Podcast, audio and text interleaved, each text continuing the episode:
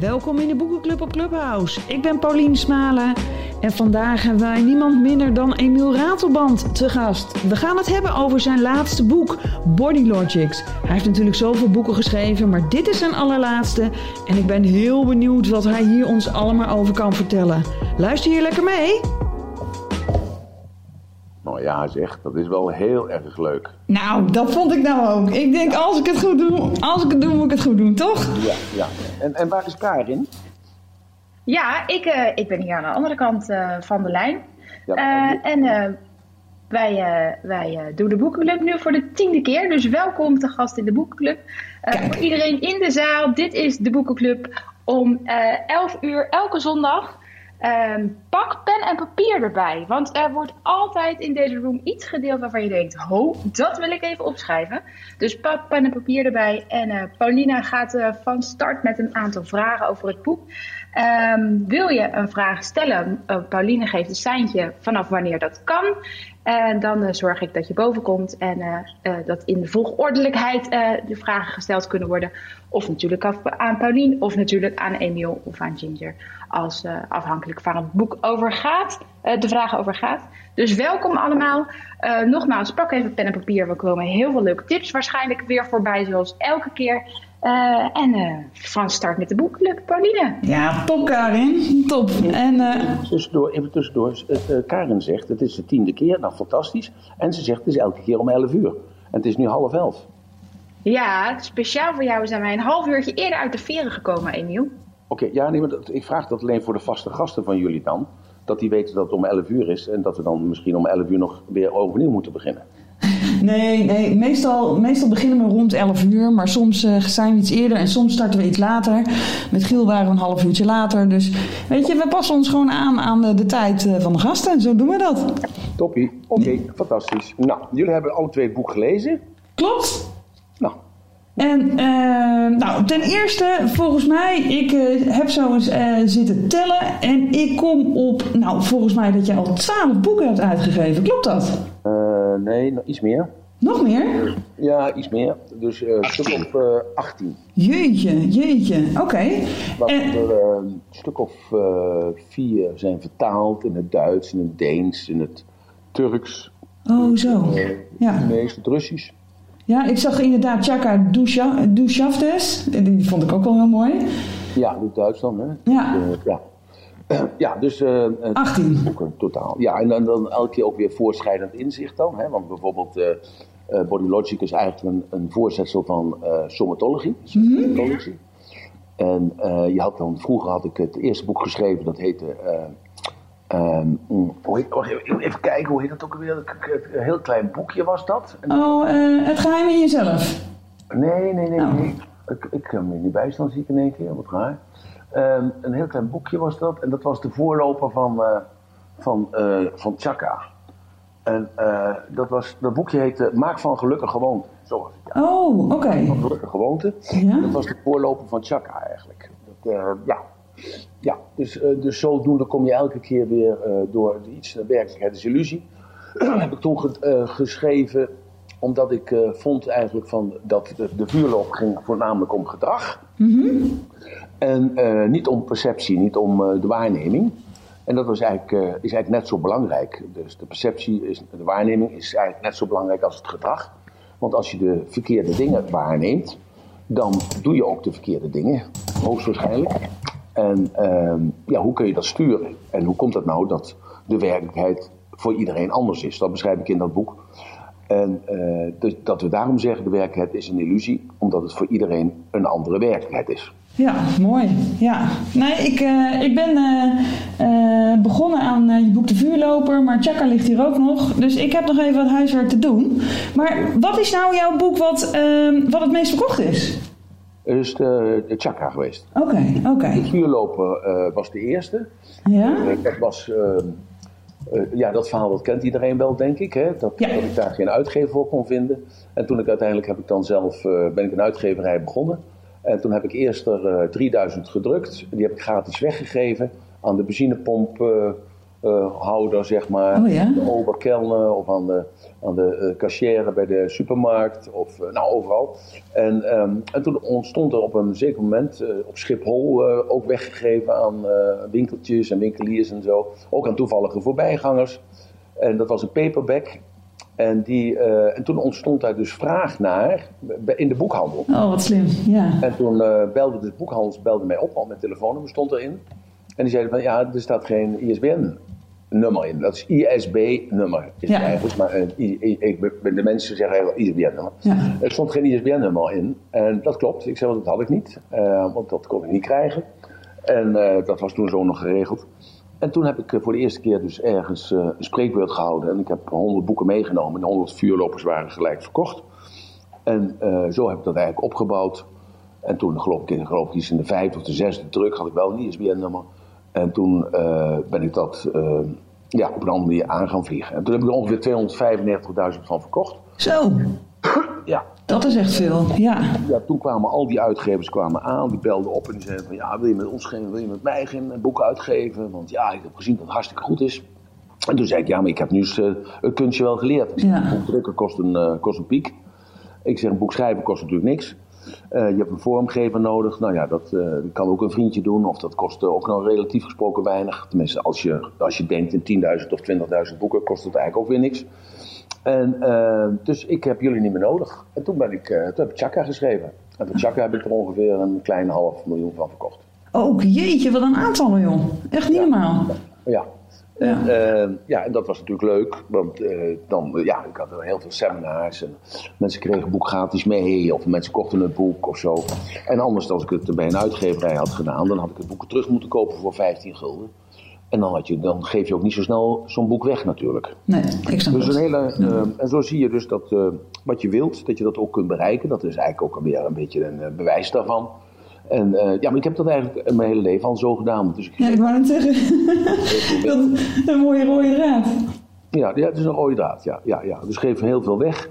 En dan, um, ja, en dan, dat doe ik dan omdat ik er vol ben van het product, of ik ben vol van het idee, of ik ben vol van, van mensen blij maken, of ik ben vol van, uh, ja, dat maakt allemaal niet uit. Ik heb toch geld zat, en ik heb tijd zat, ik heb aandacht zat, ik heb liefde zat, ik heb alles van alles zat.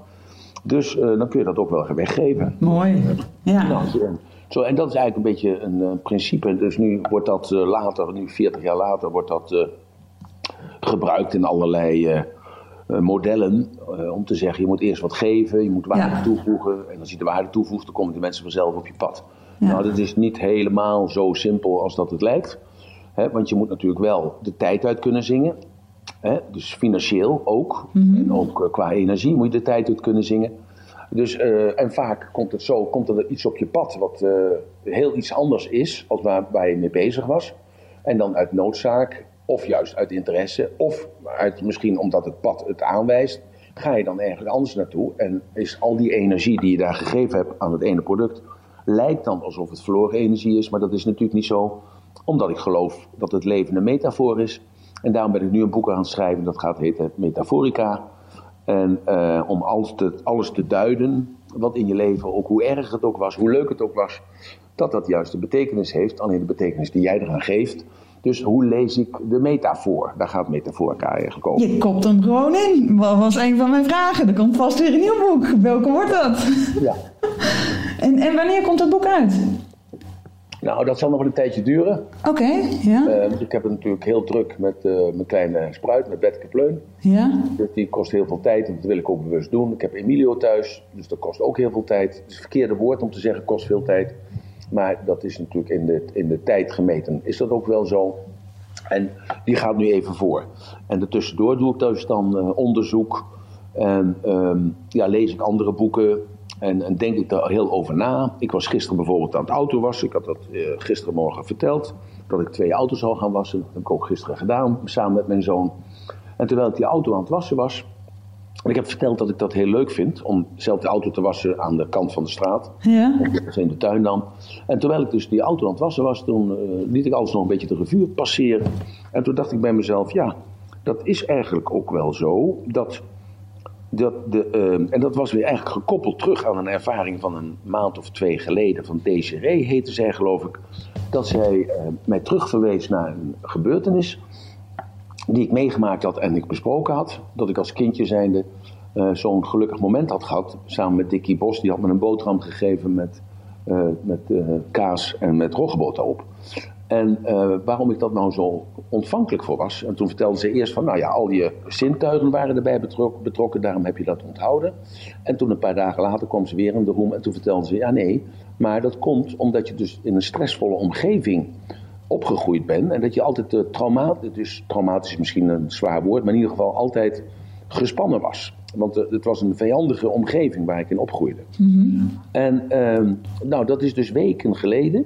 En daar heb ik af en toe wel eens over nagedacht. En, en toen ik gisteren die auto aan het wassen was, dacht ik bij mezelf: ja, dat is ook zo. Dus alle mensen die eh, traumatische dingen hebben meegemaakt, die staan open op een andere manier voor alle indrukken die op hun pad komen. En dat hoor je ook terug bij al die mensen die getraumatiseerd zijn of een uh, klap van de molen hebben meegekregen. Van al dat erge wat ze meegekregen hebben. En hoe bedoel je dat precies? Nou, dat, dat het anders relativeert bijvoorbeeld? Of? Dat mensen die dus uh, in zo'n sfeer, dus uh, in iets heel ergs meemaken, openen dus een ander stuk van henzelf. En ervaren dus in die ellende of in dat trauma of in dat vreselijke wat ze meemaken, ontwikkelen ze een, een hooggevoeligheid iets. Oh. Wat, wat, ze, wat ze achter die ellende, uh, wat ze achter die ellende meemaken. En, en dus die ellende werkt heel louterend eigenlijk. En uh, omdat ze dus dat bewustzijn openen. En dat bewustzijn uh, veel vatbaarder is voor signalen van andere kant bijvoorbeeld. Of signalen die niet waarneembaar zijn met gewoon een vijf zintuigen. Oh, en daardoor Ja. uh, gaan ze anders om met de problematieken die er zijn. En toen koppelde ik, terwijl ik dat de auto aan het wassen was, ik was bezig met de grill. Uh, toen dacht ik daar aan. En toen dacht ik bij mezelf, ja, maar, maar jij doet er wel alles aan dat je kindjes zorgvrij opgroeien. Ja. En je zorgt er wel voor dat die kinderen dus niet die momenten hebben dat hun bewustzijn geopend moet worden. Mooi. Ben je nog bij de les? Ja, nee, ik, ik probeer je te volgen. Nee, nee ik, uh, ik denk Ja. dat ik je kan volgen. Ik denk dat het heel mooi is dat je juist de patronen uh, wilt doorbreken. Uh-huh. En dat je juist uh, alle ellende die jij hebt gehad uh, in je leven, dat je dat uh, ja, wil voorkomen voor je kinderen. Hoe mooi, ja, vind ik heel mooi. Dat die ellende ervoor gezorgd heeft dat uh, ik zo'n mooi mens ben geworden. Dat sowieso, alle ervaringen. Ja, als je ja nee, dat denk ik ook. En, uh, Waar ik dan de pijn aan mijn kinderen? Want juist de pijn Ja. heeft mij gevormd. ja. En toen maakte ik een andere slag. Toen maakte ik een slag in dat denken. En toen dacht ik, er zijn natuurlijk mensen onder ons die veel erudieter zijn dan ik. En die veel meer het grote plaatje in de gang houden dan ik. En misschien is het wel zo dat deze mensen die dat, veel, wat ik nu nou bedenk, en toen was ik bij het linker voorwiel, ja. en uh, die dit, dit ook bedenken, of al reeds lang eeuwen geleden bedacht hebben, en die veel meer invloed hebben op allerlei niveaus, en dan praat ik niet over een niveau financieel of politiek of als artiest, maar gewoon veel meer invloed hebben op het collectieve bewustzijn door uh, technieken die van generatie op generatie zijn overgeleverd. En die, die dan voor zorgen dat als er dus een generatie is die geen pijn heeft, en dan denk ik terug aan, we leven al bijna 75 jaar zonder oorlog hè, in Nederland of in Europa, dat daardoor allerlei andere krachten vrijkomen die misschien voor de evolutie, dus voor het grote plaatje, wel eens niet zo positief zijn. Die misschien wel destructief zouden kunnen zijn, omdat mensen meer leren van pijn en tegenwerking dan van plezier en dat het allemaal lekker gaat. Nou ja, sommigen zeggen juist dat, uh, dat deze coronatijd uh, bedoeld is om even met je voet op de, op de aarde te komen, zeg maar, voor een aantal. Ja, ja, ja dat, dat, die betekenis hebben ook velen eraan gegeven. Alleen ik denk iets verder door en ik denk dan ja, wat hebben nou de mensen ervan geleerd als je nu om je heen kijkt? Hè, de mensen hebben geleerd om bij zichzelf stil te staan, om, om überhaupt even stil te staan. Gisteren was het zo mooi met die muziek. Dat was ook heel inspiratievol van Nicolaas.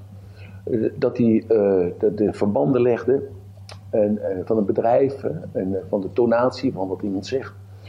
En toen dacht ik, dus dat, dat gaf wel een klein beetje de aanzet, denk ik, achteraf. Doordat hij dus bepaalde onderbewuste dingen raakte bij mijzelf, dat ik daardoor opkwam. En toen dacht ik bij mezelf, ja nee, even terug naar af. Dus die, die, die, die, die mensen of die wezens die dus veel meer verbanden zien dan ik, of wij, die sturen dan ook aan op iets ergs, zodat mensen weer verenigd worden. Want we zijn zeer zeker verenigd in het uh, hele COVID-19 verhaal. Uh, A, zijn we meer gericht op onszelf. En B, zijn we heel veel gericht tegen de overheid. Hè, als je dat om je heen kijkt.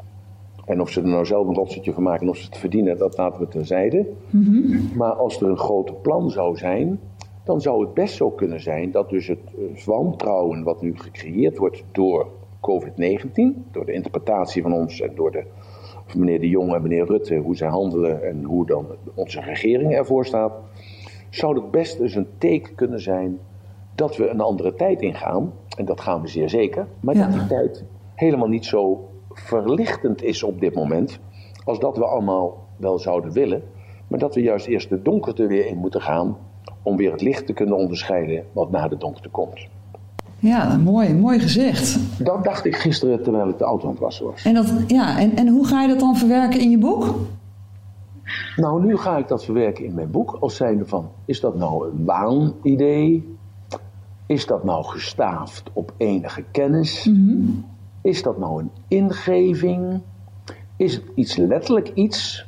Of is het een metafoor om dus die ellende die er dus moet zijn om je te kunnen bekwamen in het leven, dat dat gradaties heeft.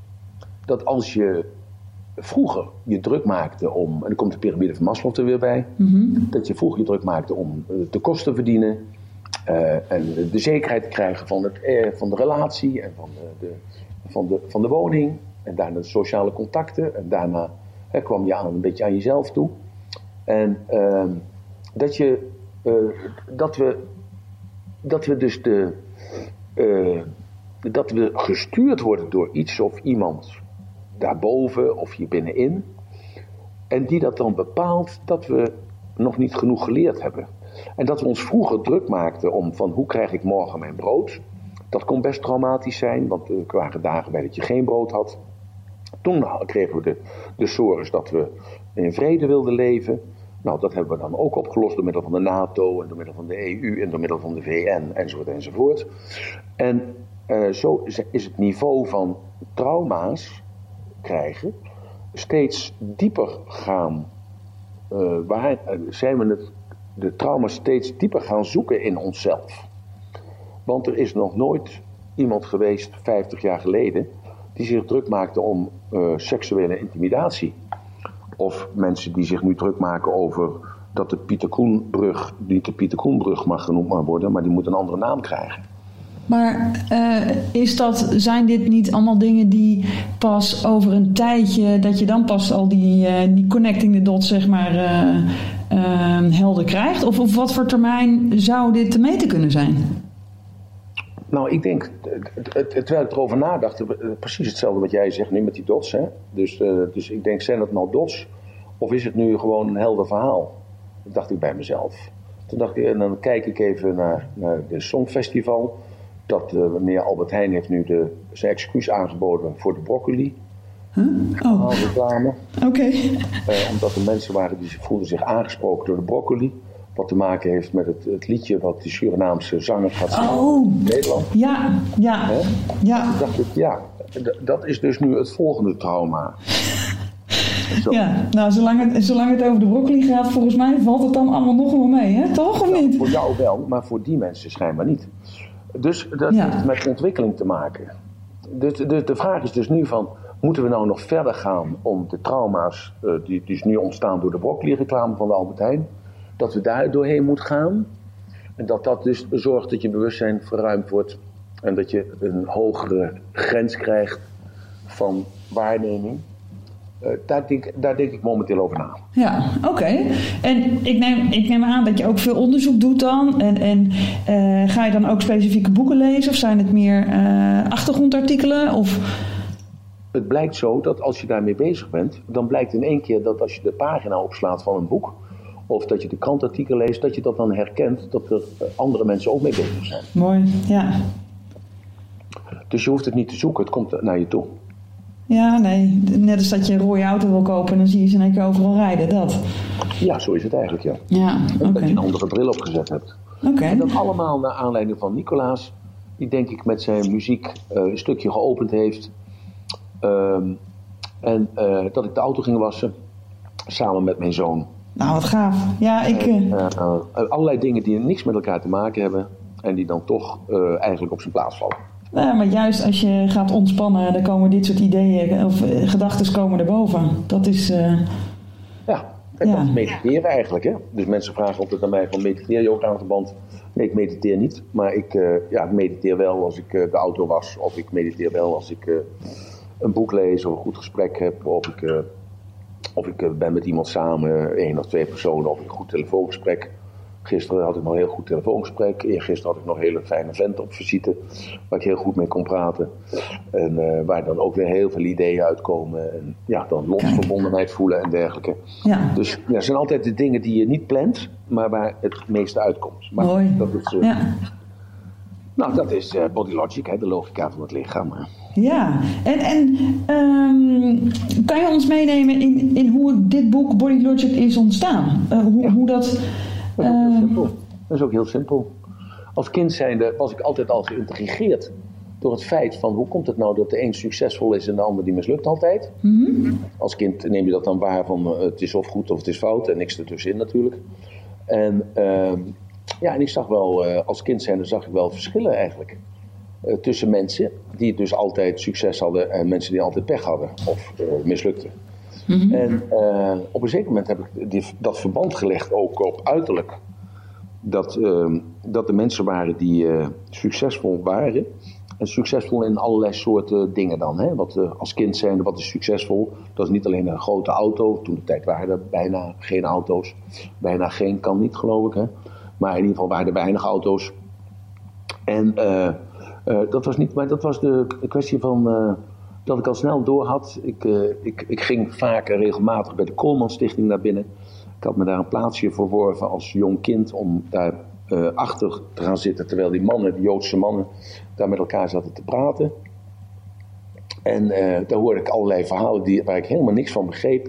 Maar de toon die daarin zat, die was wel met uh, kashan, met, met medelijden, met verdriet. Met, met, ook, met, ook met begrip.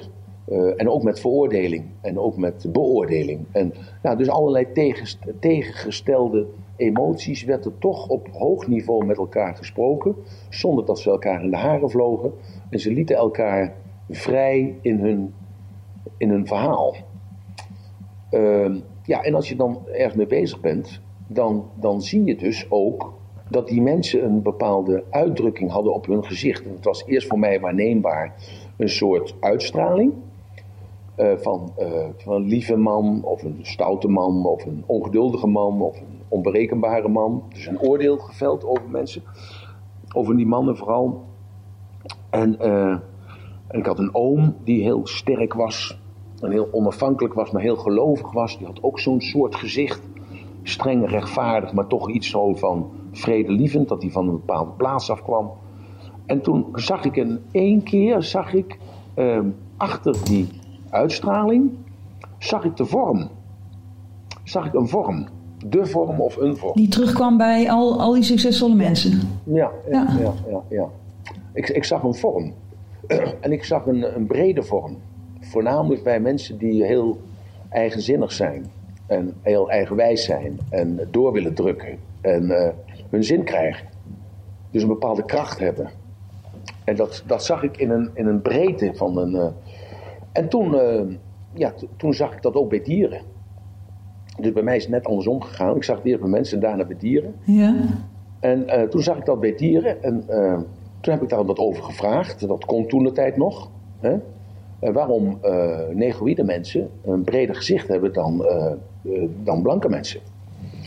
En toen kwam er toen de tijd in de jaren 50 kwam er een verhaal van de schepping. De evolutie was toen nog niet zo, werd niet zo, nee, er werd helemaal niet over gesproken tijdens op de school. Het was de schepping.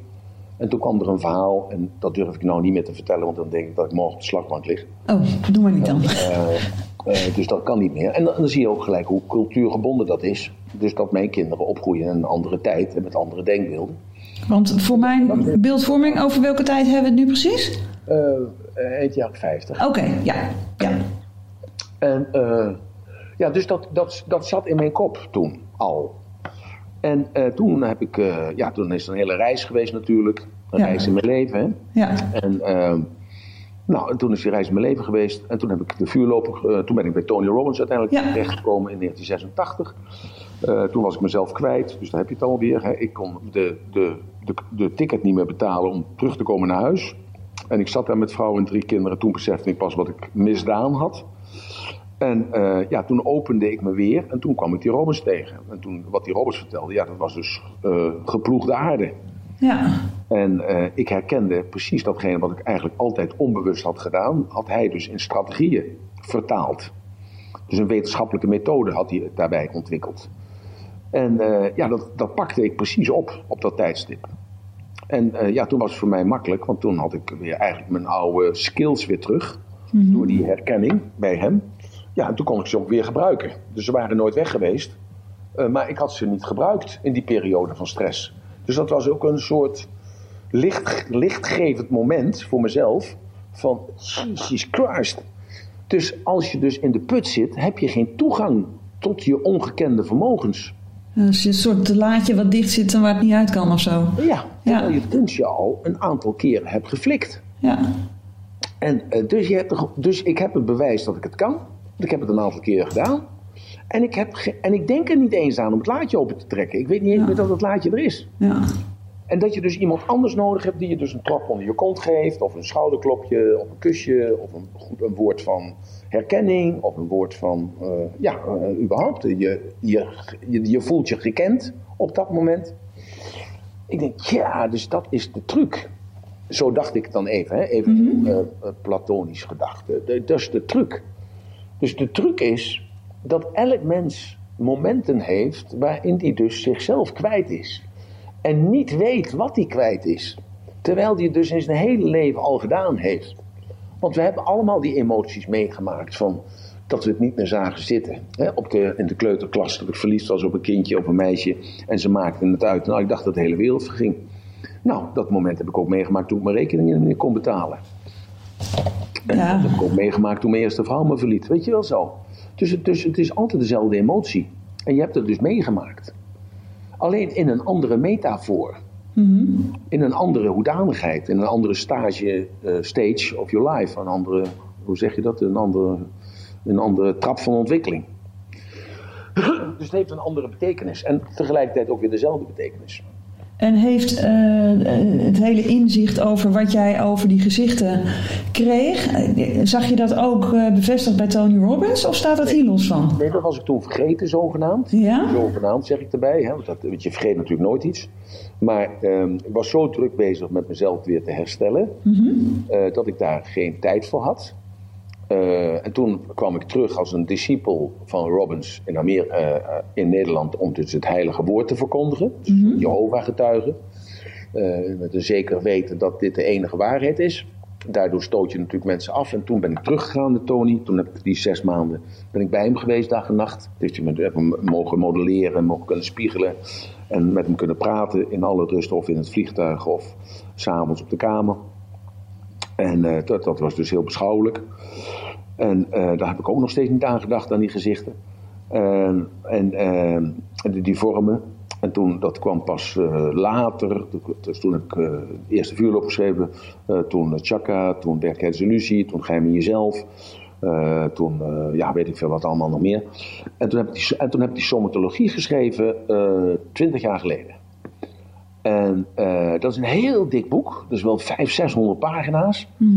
En dat, is, dat ga ik helemaal in op het oog en op het oor en op het, eh, de vinger en op eh, de lengte en dergelijke. En allemaal gebaseerd op de gouden snee. Ja. Maar dat is zo saai.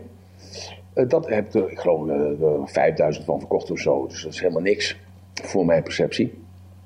En eh, nou, dus ik heb er nog een paar van staan geloof ik. Of ik heb ze weggegooid, weet ik niet eens. Maar, eh, en, en, en dat is 20 jaar geleden. En toen zijn er weer allerlei dingen gebeurd. En toen op een zeker moment toen dacht ik... eh, ik weet niet meer wat de trigger is geweest. En toen dacht ik bij mezelf, ik moet er toch een boek over schrijven. In de tussentijd had ik, eh, oh ja, Aristoteles. Ik had een Aristoteles gelezen. Eh, dat, ja, dat was het eigenlijk. Ja, de Aristoteles gelezen. Ja. En een boek van Aristoteles, eh, dat was een, een soort. eh eh, wacht even, ik pak hem er even bij. Ik zit hier. Dat, dat is Aristoteles. Dat is het Academieverlaag. Dat heb ik gekocht in 2007. Kun je nagaan. Ja. En dat is de Psychonomica. Psychonomica. Oké. Zet gecommenteerd van Sabine Vogt. En dat, is, eh, dat zijn, hoeveel pagina's, 500 zoveel. 499. Oh, dat is ook behoorlijk, ja. Ja. Ja, en, dat is helemaal, en, da- en daar beschrijft hij dus dat. Daar beschrijft hij dus eigenlijk dat de vormen eh, vanuit de perceptie van evolutie, hij gelooft ook in evolutie, dat de, de vormen van de dieren eh, zijn nog steeds de vormen van de mensen, want de, die- want de mens is een geëvolueerd dier. Zo zat Aristoteles erin, dus dat is ongeveer een kleine 3000 jaar geleden. Dus eh, om nou te zeggen, Darwin heeft, het, eh, het evolu- eh, de, de evolutietheorie ontwikkeld, is niet waar. Dat is Aristoteles, die had al die kennis al. En die beschreef dus de dieren, de carnivoren en de omnivoren en herbivoren. Schreef daarop de gelijkenissen en de verschillen. En analyseerde dat dus en analyseerde dat terug naar drie vormen. De eivorm, de rechte vorm en de ronde vorm. Ja. En voornamelijk, de ronde vorm is voornamelijk bij de, om- omnivo- eh, bij de herbivoren. Dus de aantrekking. De rechte vormen zijn hoofdzakelijk bij de carnivoren. Dus dat is dan de, eh de Vleeseters? vleeseter- de Ja. vleeseters. En de eivorm zijn voornamelijk bij de omnivoren. Dus dat zijn dus de vlees en de, eh, en de, en de ja. Ja. En zo, eh, ja, en ben ik van daaruit ben ik gaan eh, redeneren en gaan denken en, en vormen anders gaan interpreteren. Ja, kijk, het is natuurlijk hier op Clubhouse is het een beetje lastig om beelden na te bootsen, omdat het allemaal audio is. Eh, dat is voor dit boek wat lastiger. Maar ik vond het, ik vond het heel verhelderend dat je je een hoofd indeelt. eh, zeg maar het bovenstuk tot aan de wenkbrauwen. En dan van de wenkbrauwen volgens mij tot aan de mond of de neus. Ja. ja, maar je moet dus eerst het concept van de gouden snee bede- eh, weten. Hè, dus alles wat volmaakt is, is de gouden, doet, voldoet aan de gouden snee. Ja, Eh, dus de gouden snee, dat is een, een, een soort gelijkenis. Dus daardoor zie je ook of iemand mooi is of lelijk is. Dus hij, die, hij of zij die super mooi is, voldoet aan de gouden snee.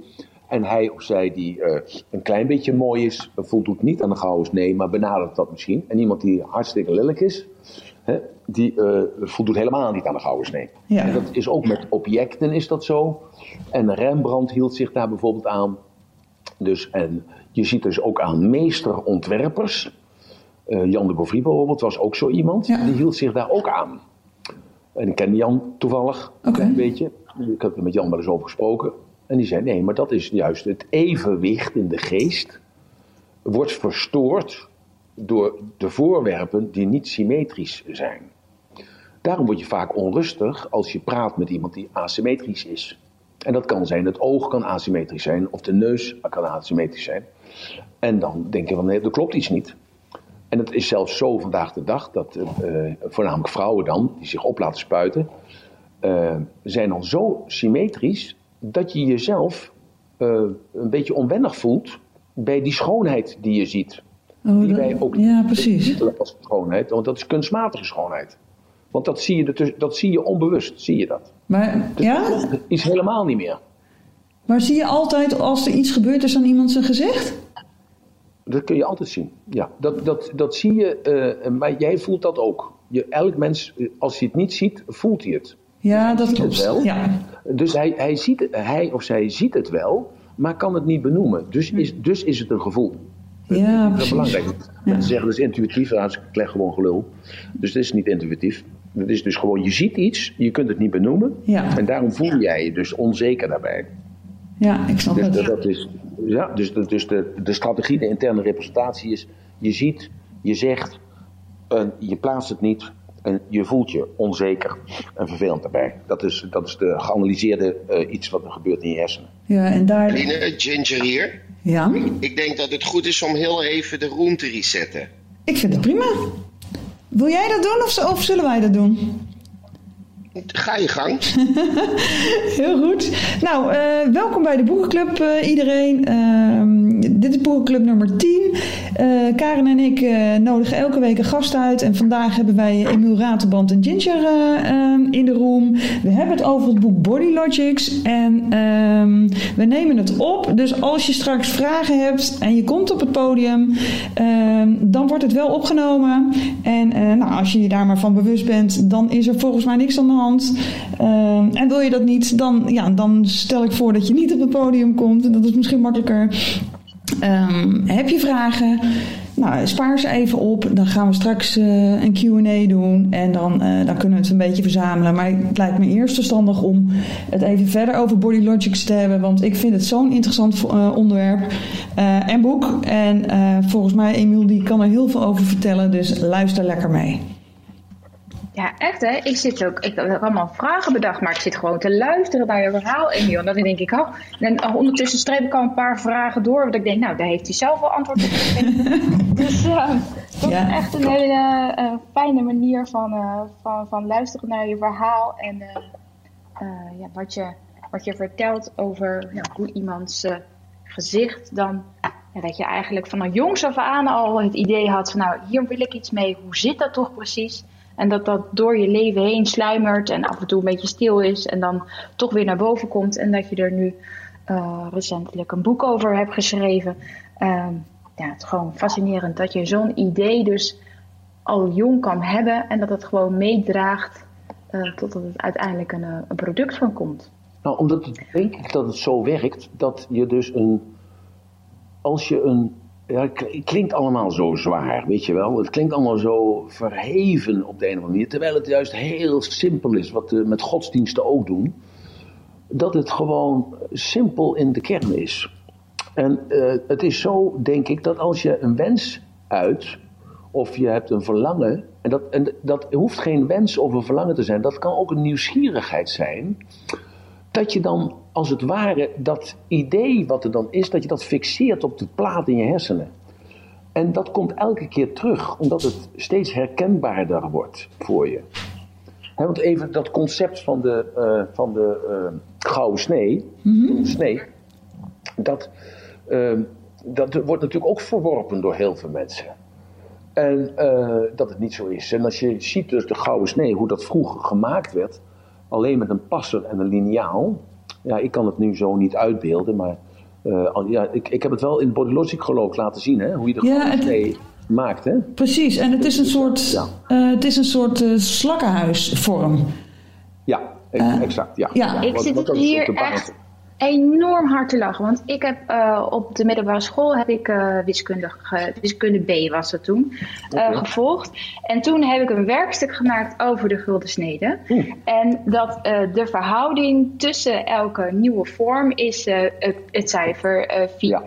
Ja, ja. En dat is dus 137,5 graden volgens mij. En je ziet het dus heel vaak terug in de eh, natuur. Het is ook blaadjes van, Ja. eh, van, van bloemen. De één blaadje, drie blaadjes, vijf blaadjes en zo verder. Ehm, dat je eh, ja, de, die optelling ehm, zo is. En ook die, die slag die jullie net beschreven. als je naar het hart kijkt van een bloem, van een zonnebloem, dan zie je ook van die spiralen in die zonnebloem. Mooi, hè? Die spiralen zijn ook dezelfde 137 graden hoek.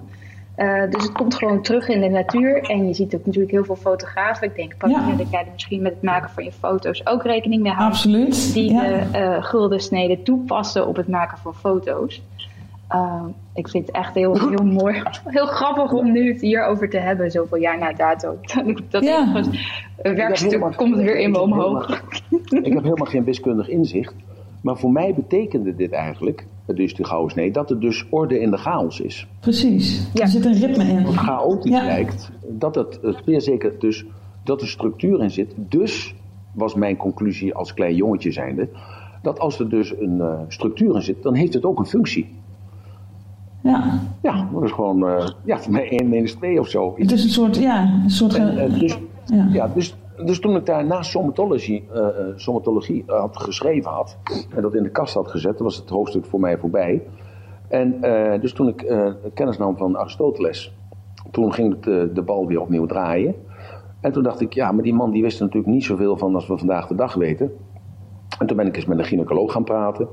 En een paar vroedvrouwen gaan praten op de een of andere manier. Of, of, of ik ben met ze in gesprek gekomen omdat ik een kindje kreeg. Wat natuurlijk ook al acht keer gebeurd is in mijn leven. En, ehm, en, to- en toen kwam ik dus eh er tegen aan dat eh, dus het ontstaan van het zenuwgestel vindt dus plaats in de baarmoeder. Maar daar zit ook structuur in. Want de eerste zeven dagen, dat beschrijf ik ook in het boek, hè, Ja. de eerste zeven dagen gebeurt er dus helemaal niks. Dan is de moeder, de vrouw, zich ook niet eh, ja, bewust van het feit dat ze een kindje gaat krijgen, dat ze zwanger is. En dus de eerste zeven dagen is dat, dan settelt zich eigenlijk alles een klein beetje in de baarmoeder. Dat maakt alles zich klaar voor de grote reis. En dan eh, de 21 dagen daarna, dus dat is drie keer zeven, dan ontstaat dus het zenuwgestel. En dan, eh, dat is dan de blauwdruk van het zenuwgestel. Waar dat zenuwgestel op voortgebouwd, geborduurd wordt. Dan de volgende keer, dat is dan eh, drie keer 21 dagen, is 63 dagen. Dan ontstaan de organen. Dan, althans, de blauw- bla- blauwdruk van de organen ontstaan. En tegelijkertijd de middelkant van het gezicht. En bij de eerste 21 dagen eh, ontstaat dus de bovenkant van het gezicht. Wat dan nog een soort kikkervisje is, maar dat terzijde. En dan Ja. de volgende 189 dagen, dan ontstaat dus het skelet en de spieren, zeg maar de kapstok van ons, eh, van ons lichaam. Ontstaat Ja. de kapstok. En terwijl in die, 100, eh, in die 63 dagen, in die 189 dagen, gaat natuurlijk het verder, de opbouw van het zenuwgestel, de opbouw van het orgaanstelsel gaat verder. En die, in die 189 dagen eh, komt dat skelet ter, ter zake, een hele kapstok die wordt opgehangen aan de dingen. En dat bij elkaar is 280 dagen. Dus daar zit ook structuur in. En juist dus als er structuur in al die zaken zit, eh, die wij dus niet, die wij waarnemen onbewust en onbewust dus ook veroordelen als dat is rustgevend en dat is verstorend, dan zit er ook structuur in datgene wat zich manifesteert. En wat manifesteert zich dan? Het lichaam manifesteert zich dus uit de geest. Ben ik er nog? Ja, ja, ja, ik zit eh, geboeid te luisteren. Ja? Zo, dus het lichaam manifesteert zich uit de geest. En lichaam en geest zijn onlosmakelijk met elkaar verbonden. Dat weten we dus sinds, Ja. eh, sinds, eh, sinds een, eh, een paar honderd jaar weten we dat dan. Dus, dan moet, dus de logica van de geest zet zich voort in de materie. Het, te weten het lichaam. Dus dan is de geest ook te lezen in de materie. Ja, dus vandaar die onderverdeling. Ja, Ja, Ja, dus die onderverdeling. Ja. Dus het lichaam, het hoofd. Het lichaam zijn zes keer het hoofd. ja. De, de armen zijn gelijk aan de benen. Het hoofd, hè, dus de, de, de, lengte van het hoofd is eerst tot aan je eh, tepel. Even de, de onderkant van je hals, maar even net je tepel. Ja, dus de, als je het hoofd af zou hakken en dan zou je het hoofd neerleggen, dan komt het tot aan de tepel. Eh, na de tepel, je legt het weer op, dan komt het tot aan, tot aan je navel. Eh, leg je het hoofd dan weer neer, dan komt het onder je geslachtsdeel. Leg het je dan weer, dan komt het eh, op je knie of onder je knie. Ja, zoiets. Dus half van je scheenbeen of je dijbeen. Zo, en, en zo. zo, zo. Dus, en dus daarom, dus door die maatvoering, weet je dus ook of je een groot hoofd hebt of een klein hoofd hebt. ja. Mooi. En, datzelfde, is- en datzelfde is dus met je gezicht. Dat zijn die drie delen. Hè? Dus je Ja. hebt het bovenste gedeelte met je wenkbrauwen daarboven. En dan je wenkbrauwen tot aan je mond. En je mond tot onder aan je kin. Zo. Dus dan weet je dus ook of je een mooi hoofd hebt. En wat is nou meer ontwikkeld? Is de bovenkant meer ontwikkeld? Dus dat is je zenuwgestel, want dat is dus wordt aangemaakt in de eerste 21 dagen van de zwangerschap. En je Is het intellect toch? middelgedeelte Ja? meer ontwikkeld? Ja. Dat, eh, is niet duidelijk? Nee, dat is het intellect toch? Ja? Ja, is intellect. Ja? Mhm. intellect ja. En ook spiritualiteit, hè? Ook spiritualiteit, want spiritualiteit is ook wetenschappelijk. Ja. Hè? En dan heb je dus de middelkant, van, en dat is de wil, de wilskracht. Hè? Want de, de wilskracht eh, komt dus uit de organen. Dan, als je tegen zegt, dat kan ik, dat kan ik, dat kan ik. Dan voel je dat je je, je, je organen, je spieren, je buik aanspant. Hè? Dat is ook weer verbonden met je chakra's. En dat onderste gedeelte waarin zit, dat is de daadkracht. Dat, want dat, zijn, is de, dat wordt het laatst ontwikkeld. Dat zijn dus de spieren en je, en je, ehm, je, eh, je skelet. Dus het doen, zeg maar. Als je Ja. dus helemaal in harmonie bent, dan is het dus, kun je het en bedenken en, en uitvoeren en afmaken. Mooi. En Ja. is de bovenkant alleen ontwikkeld. Je kunt alleen bedenken en dan kun je er niet aan beginnen en dan kun je het ook niet afmaken. Ja. Is de onderkant helemaal ontwikkeld, dan kun je het alleen doen en dan kun je het niet bedenken en dan kun je, dan kun je er ook niet aan beginnen. Je moet het gewoon doen. Zo. Dus, en, ja, en dat herken je natuurlijk meteen aan mensen.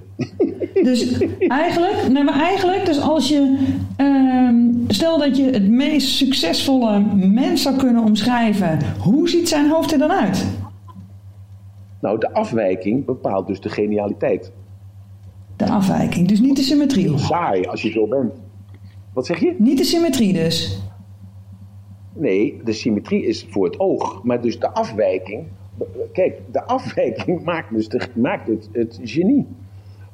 Ja, Oké. als je in harmonie bent, beweeg je niet. Maar, maar hoe, hoe zou je dan het Als je meest... in harmonie bent. Ja? Nee, begrijp dat. Begrijp, dat moet je eerst begrijpen. Je moet eerst, ik heb het allemaal uitgedacht, dus ik begrijp het heel- drommels goed. Ja? Dus als je in volledige harmonie bent, Ja. dan is er geen beweging. Oké. Dus nou begrijp je ook waarom ik zeg, ik verafschuw dat niks doen. Dus eh, Ginger maakte elke keer een grapje over dat ik één dag niks heb gedaan. Oké. En, eh, ik was helemaal verslag omdat ik niks heb gedaan. Dus, maar mensen die dus volledig in harmonie zijn, die doen niks. Want er is geen enkele noodzaak om iets te compenseren. Oh, op die manier. Er is geen enkele noodzaak om iets te compenseren.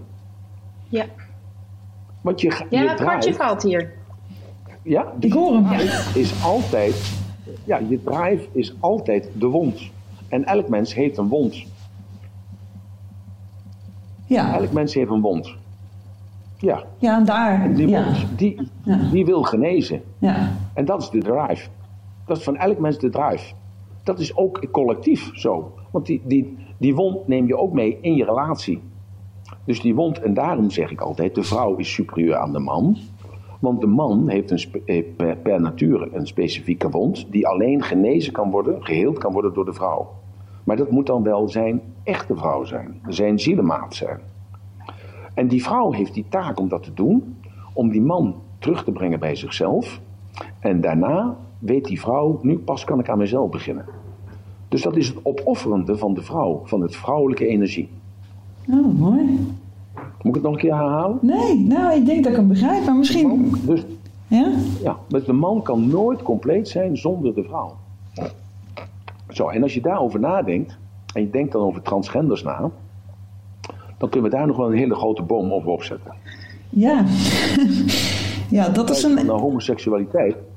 Ja, we kijken naar homoseksualiteit, dan kunnen we daar nog eens een keer een hele grote boom over opzetten. Ja, daar kunnen we een hele dag over spreken, denk ik. Nou, en dan zijn we er nog niet uit. Maar Nee. Ja, dat denk ik ook. Maar dat is Maar- ook wel goed, eh, ook in gesprek te zijn met elkaar en echt te luisteren naar elkaar en door te vragen van hoe, hoe denk je daarover en waarom denk je dat en eh, waar, eh, nou, ja, enzovoort. En echt te luisteren naar elkaar in plaats van ja, one-liners over het internet te gooien en dan vervolgens op zo'n zin iemand te oordelen. Ehm, ik denk dat deze tijd en zeker deze app helpt daar wel mee om echt te luisteren naar iemand en vragen te stellen ehm, over hoe iets eh, i- ja, in iemand zijn hoofd zit. En dat dat juist een hele mooie manier is weer om ehm, ja, echt in contact te komen en echt te luisteren naar wat iemand zegt. Ja. En ik vind het echt een hele mooie zin wat je zei van nou eh, eigenlijk eh, als je volledig symmetrisch bent,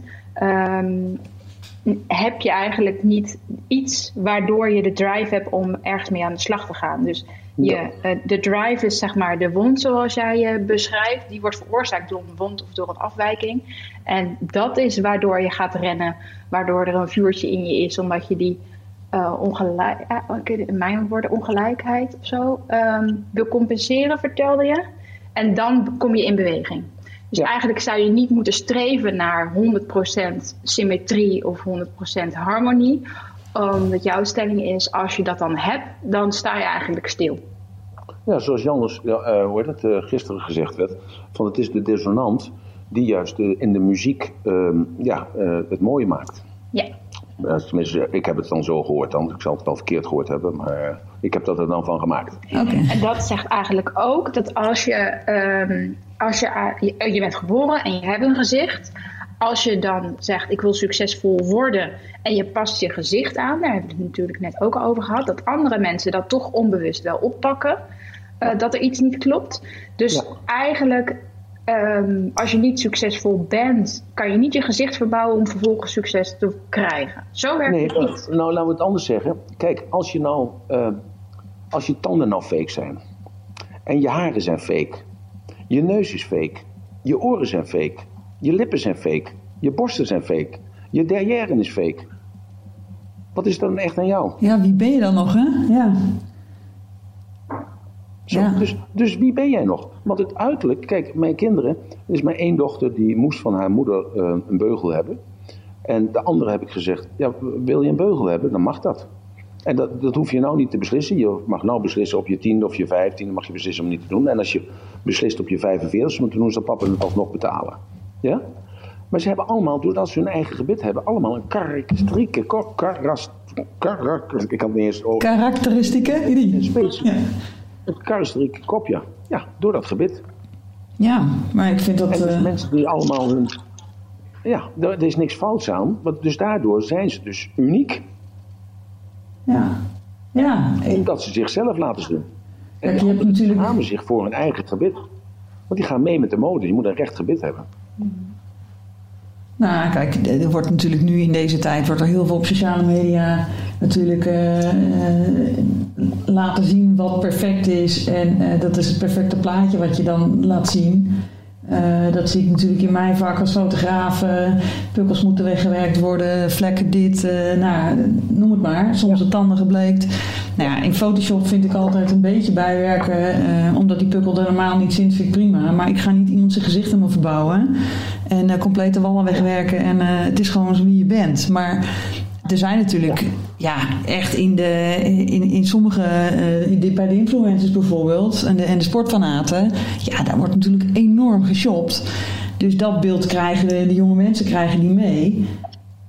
wat perfect zou moeten zijn. Dus ja. Die zijn alleen maar visueel bezig. Ja, ja. Dus dat is ook oké. Okay. Dat is ook oké. Okay. You never get a second chance to make the first impression. Alleen mm -hmm. dus de indruk, dat ze dus een bepaalde indruk maken, en dat doen ze ook, maar meestal niet de indruk die ze nastreven. Ja, en dat is dan inderdaad waar ze dan niet over nadenken, denk ik.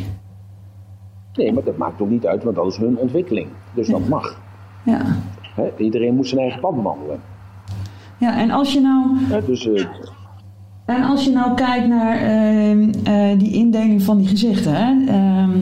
Uh, als je klein bent, dan ziet je hoofd er kleiner uit en zijn de verhoudingen wat anders. Dat is net als met een puppy. Hè? Ja.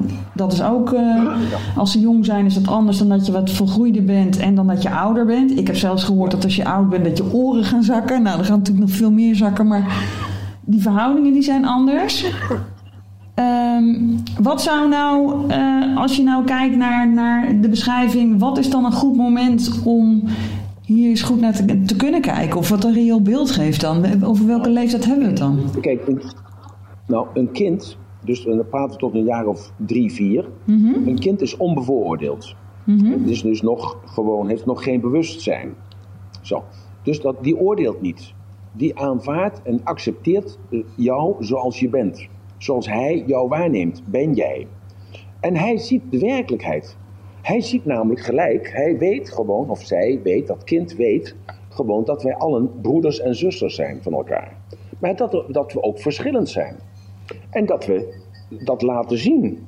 En laten horen en laten voelen. Maar voornamelijk met, met, uh, met laten zien. En al die kinderen die weten gewoon, hij is een leider. Hij is een volger. Hij is een creatieveling. Hij is een... En geef het maar allemaal typologieën die jij wilt. Een kind weet dat van elkaar. En laat dat kind ook in vrede. Want er zijn kinderen, kijk maar op de, ga maar naar de kleuterschool toe, in de eerste klas van de kleuterschool, dus dat is vier jaar. Of ga maar naar de kinderopvang toe, van de kinderen van drie jaar. Heb je kinderen die, die, eh, die vinden het leuk om met klei te spelen. En anderen die vinden het leuk om met de mecanendoos te spelen. En anderen die willen tekenen met de kleurpotloden. En anderen die willen alleen maar tekenen met alleen maar zwart-wit. En anderen die willen, uh, die willen alleen maar de baas spelen. En die willen maar naar buiten. En die willen maar op het, uh, op het, op het hek werken. Of ondeugend zijn of zo. zo. En al die kinderen weten van elkaar waar ze staan in de pikorde. Dat is met dieren is dat ook zo. Je weet gewoon waar je staat in de pikorde. Alleen, en dan komt het bewustzijn. Dan komt het van, ja nee, maar hij, komt, uh, hij kleedt zich netjes, hij heeft altijd Lacoste aan, dus hij zal wel rijk zijn. Ja, ik geef even een voorbeeld. Ja, ja. Of hij uh, uh, wordt met de auto naar school gebracht en ik moet lopen. Nou, dan zal hij wel meer geld hebben, dan, want wij hebben geen auto. Of hij is niet milieubewust, want wij hebben geen auto omdat we milieubewust zijn. Nou, en dan komen de oordelen. En dan wordt iedereen, elk kind wordt dan beoordeeld. En dan zoek jij je vriendjes uit. In de, op een andere manier in de klas nummer, uh, of groep nummer drie of vier of vijf.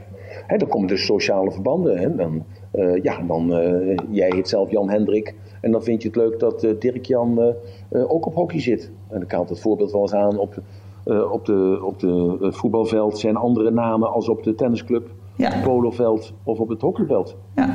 Ja? En ook andere vormen en andere, andere haarstijlen en andere namen en andere, nou, andere afkomsten. Dus die kasten waar we het altijd over hebben in India, dat, die zijn hier ook. Alleen die zijn onbenoembaar. Ja, het is meer het milieu of de, de, de peergroep waar je je dan in, begin, in begeeft, zeg maar. Ja, zo is het ja. Dus, ja. dus heel sterk. Ik, uh, ik heb dat altijd zo gevoeld als middenstander. He, dus de, ik kon dus de, uit de jaren 50 kon ik al een klein beetje nadenken. Nou, dan was het zo, uh, als je dan uh, naar de dokter ging, dan deed je net de kleren aan. Of je moet je wassen en je tanden poetsen. En in plaats van twee keer per dag moest je dan drie keer per dag je tanden poetsen. En je moest een schone onderbroek aan, terwijl je anders normaal één keer in de week een schone onderbroek kreeg. Oh ja, was dat in die tijd nog één keer? Ja, ja, ja. ja. ja. En ik had twee broeken aan. En dan moest ik mijn zondagse broek aan die te groot was. Met een grote riem eromheen. En dan moest je aan. En dan ging we naar dokter Wieringa toe. En die onderzocht je dan. En als die dokter wat zei, dan was dat ook zo. Ja. Nou, ik projecteer dat nu eventjes uh, 70 jaar later. Hè, doktoren zijn het wel niet met elkaar eens. Vaccinatie. Um, of over uh, de covid. Of over, uh, ja, over wat voor een onderwerp dan ook. Ja. Dus, um, en maar vroeger was het oordeel van de dokter was wet. Klaar, punt. Dus dat deed je gewoon. Je vroeg de second opinion, ho, ho, ho, ho. Dat, dat woord bestond aan niet. En toen dat woord kwam, dus het begin van deze eeuw, uh, was het nog beledigend voor die arts ook. Nu is die arts er al aan gewend. Die denkt, nou, als jij wil shoppen, ga je lekker shoppen. Ik vind het allemaal best, ik heb werk zat. Nou, dus dat is allemaal veranderd. Dus die autoriteit is ook veranderd. Ja, dus ik... dat is een, dat is een bijkomst, uh, meerderheid. Ik denk dat het ook helemaal niet verkeerd is dat het uh, veranderd is. Ik denk dat uh, je moet altijd zelf blijven nadenken en nooit blind varen op een ander. Uh, maar... Nee, dat denk jij. Maar vroeger was die keuze er niet. Nee, klopt. klopt. Dus door, uh, doordat het nu wel kan, maar doe je het ook. Ja. Dus, ja, maar je groeit op. Dus, dus je creëert ook iets nieuws daardoor. Ja. Dus dat is ook goed. Dus, dus het groeien is normaal. Maar het consistent ontwikkelen is moeite. Daar moet je wat voor doen. Moet je over nadenken. Ja, oké. Okay. En Pauline. Ja? Uh, Pauline, jij doet twee dingen. Jij uh, heel veel boeken en schrijft er heel veel recensies over. Dat doe je via onder andere je Instagram pagina adviesboek. Maar jij maakt ook als fotograaf foto's. Mm -hmm. Wat heb jij nu opgepikt uit het boek van Emiel waarvan je denkt... nou, de volgende keer als ik een foto ga maken... dan kijk ik toch even net even anders. Nou, het is wel een goede vraag die je stelt. Want ik had inderdaad, uh, had ik nog wel... Kijk, in fotografieland heb je natuurlijk ook de gulden snede.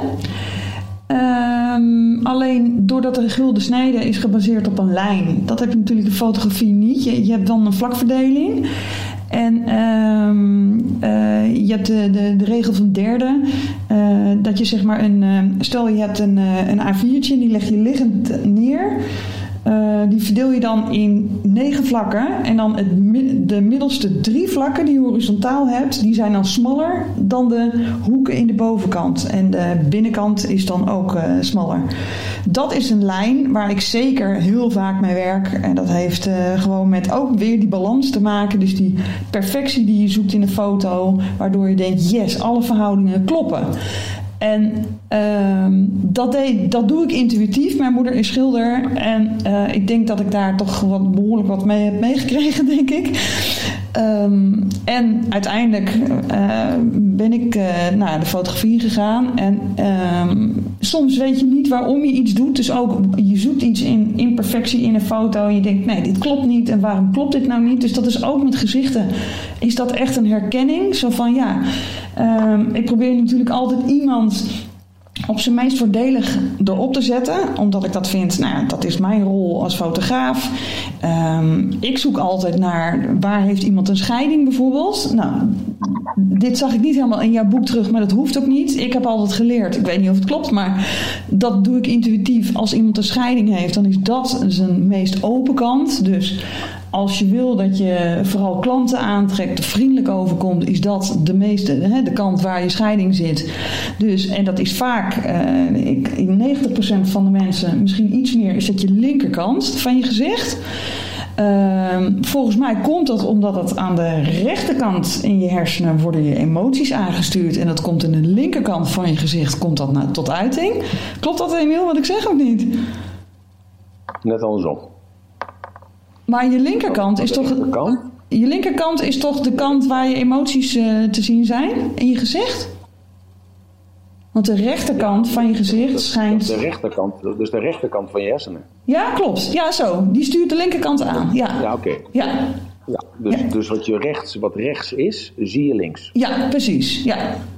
Dus, uh, de persoon zelf, hè? dus je moet het even ja. opdraaien voor jezelf. Want er is heel veel mensen die, maken dan, uh, die denken van... oh, als ik dan kijk, dan is het dus rechts van mij. Nee, dat is dus links van hem. Precies, ja, dat is door de camera ook weer. Spiegelbeeld, ja, dat is heel verwarrend.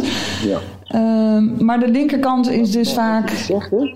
Hm? Maar wat je dus zegt is dat je... Ja, maar wat je dus zegt ook om een hele mooie foto te maken heb je dus een, een, die, dat A4'tje, wat je zegt, die vormverdeling. Hè? Ja. Dus je moet ook iets hebben om je aan vast te houden. Klopt. Dus je, moet, je hebt iets nodig om mee te vergelijken. Zo. En dat is nou die gouden snee.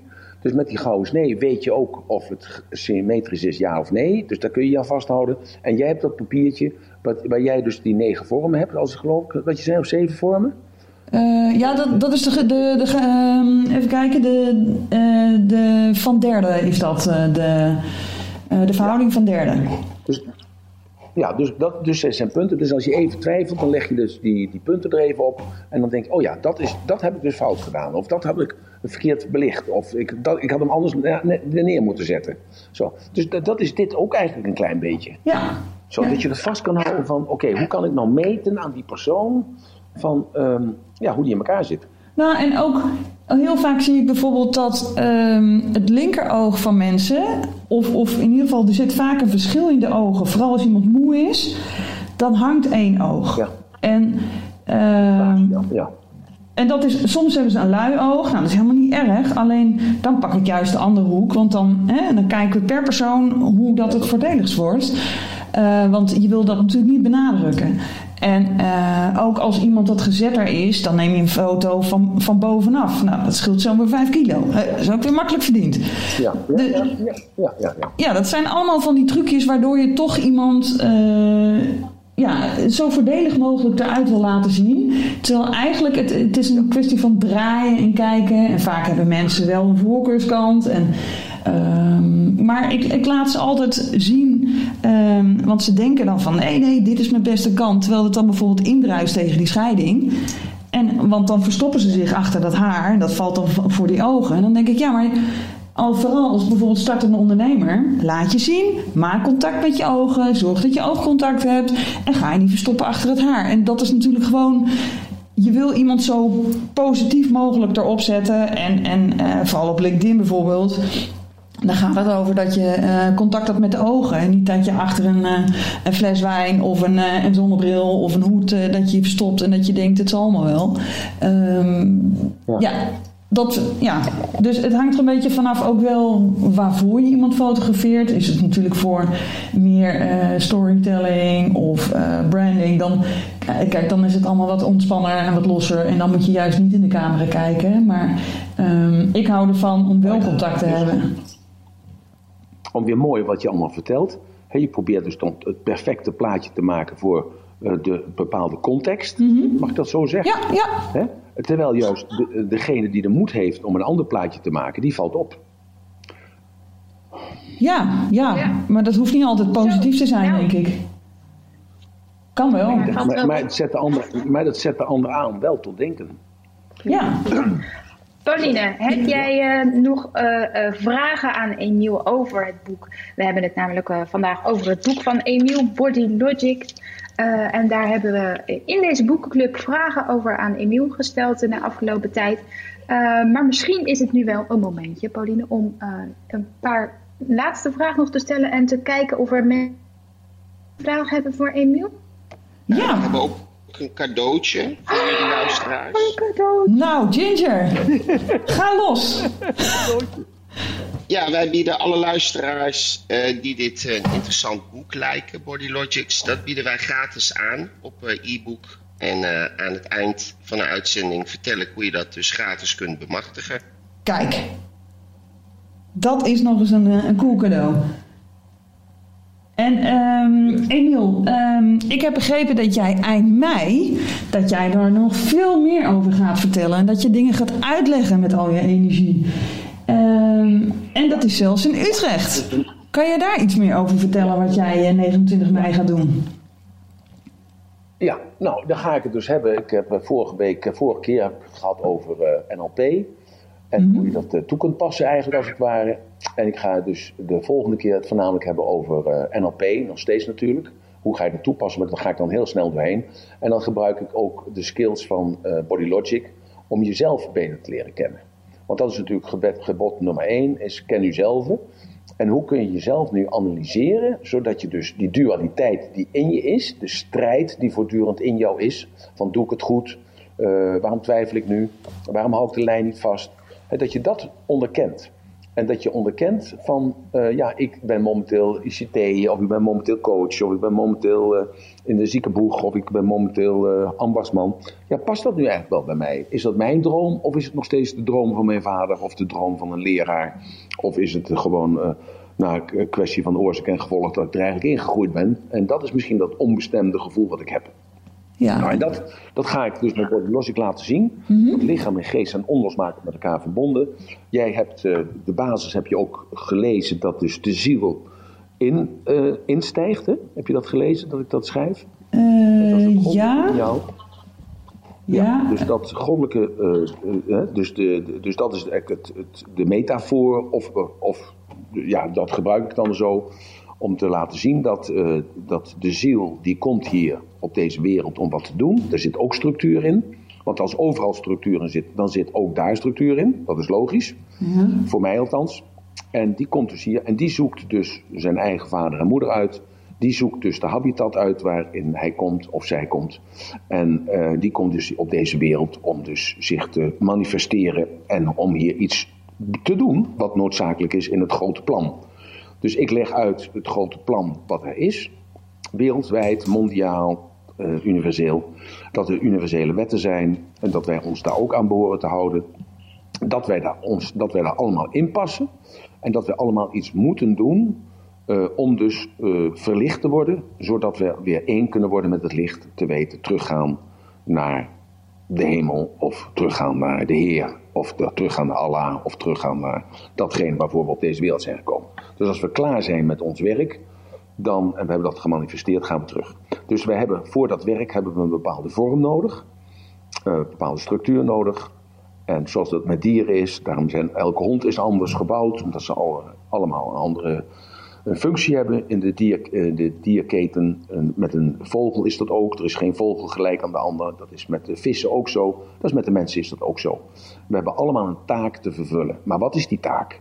En dat is het belangrijkste van eigenlijk, althans voor mij, is dat een, ja, het belangrijkste dat je dat als kind, als je dat weet, dan, dan ben je dus tien stappen voor. En dan kun je de rest van je leven kun je invullen om datgene te doen waarvoor je hier bent gekomen. Ja, Het ik is vind... altijd Ja? het bestaan van het, eh, van het geheel, van het universum, van dus de maatschappij. Ik vind het zo mooi dat je dit zegt, want ik, ik, er schiet in één keer een beeld door mijn hoofd. En eh, ik ben natuurlijk visueel ingesteld, dat kan niet anders. Ehm, maar toen ik een jaar of veertien was, denk ik, had ik een konijn. En door het boek eh, kreeg ik allerlei visioenen weer over mijn biologieles van vroeger. Maar toen ik een jaar of veertien was, eh, denk ik, eh, had ik een konijn. En ik heb toen een, rolletje volgeschoten op mijn camera van mijn moeder. En eh, die was woest, want al die foto's waren, eh, nou ja, die waren een soort van mislukt. Je zag dan net een staart of een af en toe een oor. Want het konijn was natuurlijk veel te snel met de sluitertijd. Toen had ik het nog niet zo door. Ja.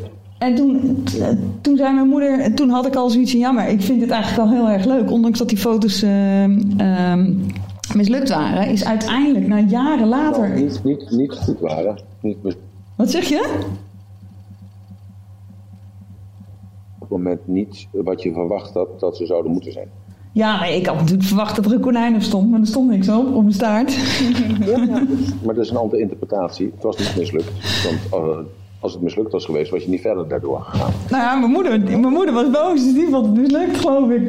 Maar, nou ja, maakt verder niet uit. Dramatisch als je moeder boos op jou is. Nou ja, het is allemaal goed gekomen hoor. Dus, eh, maar het, het, eh, dat was in de tijdgeest. Hè? Ik bedoel, toen moest je nog een rolletje ontwikkelen. En dan moest je naar, de, naar het kruidvat of naar de HEMA. En dat duurde dan een week. En dan voordat je die foto had, dan had je een heel pakket met 36 foto's. Waarvan er één goed was of zo.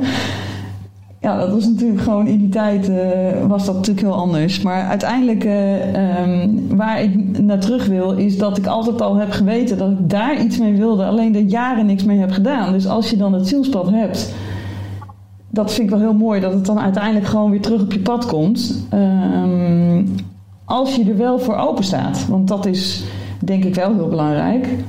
Als je de signalen niet Dat wilt zien. Ja, maar Toch? dat is nou het mooie aan de welvaart.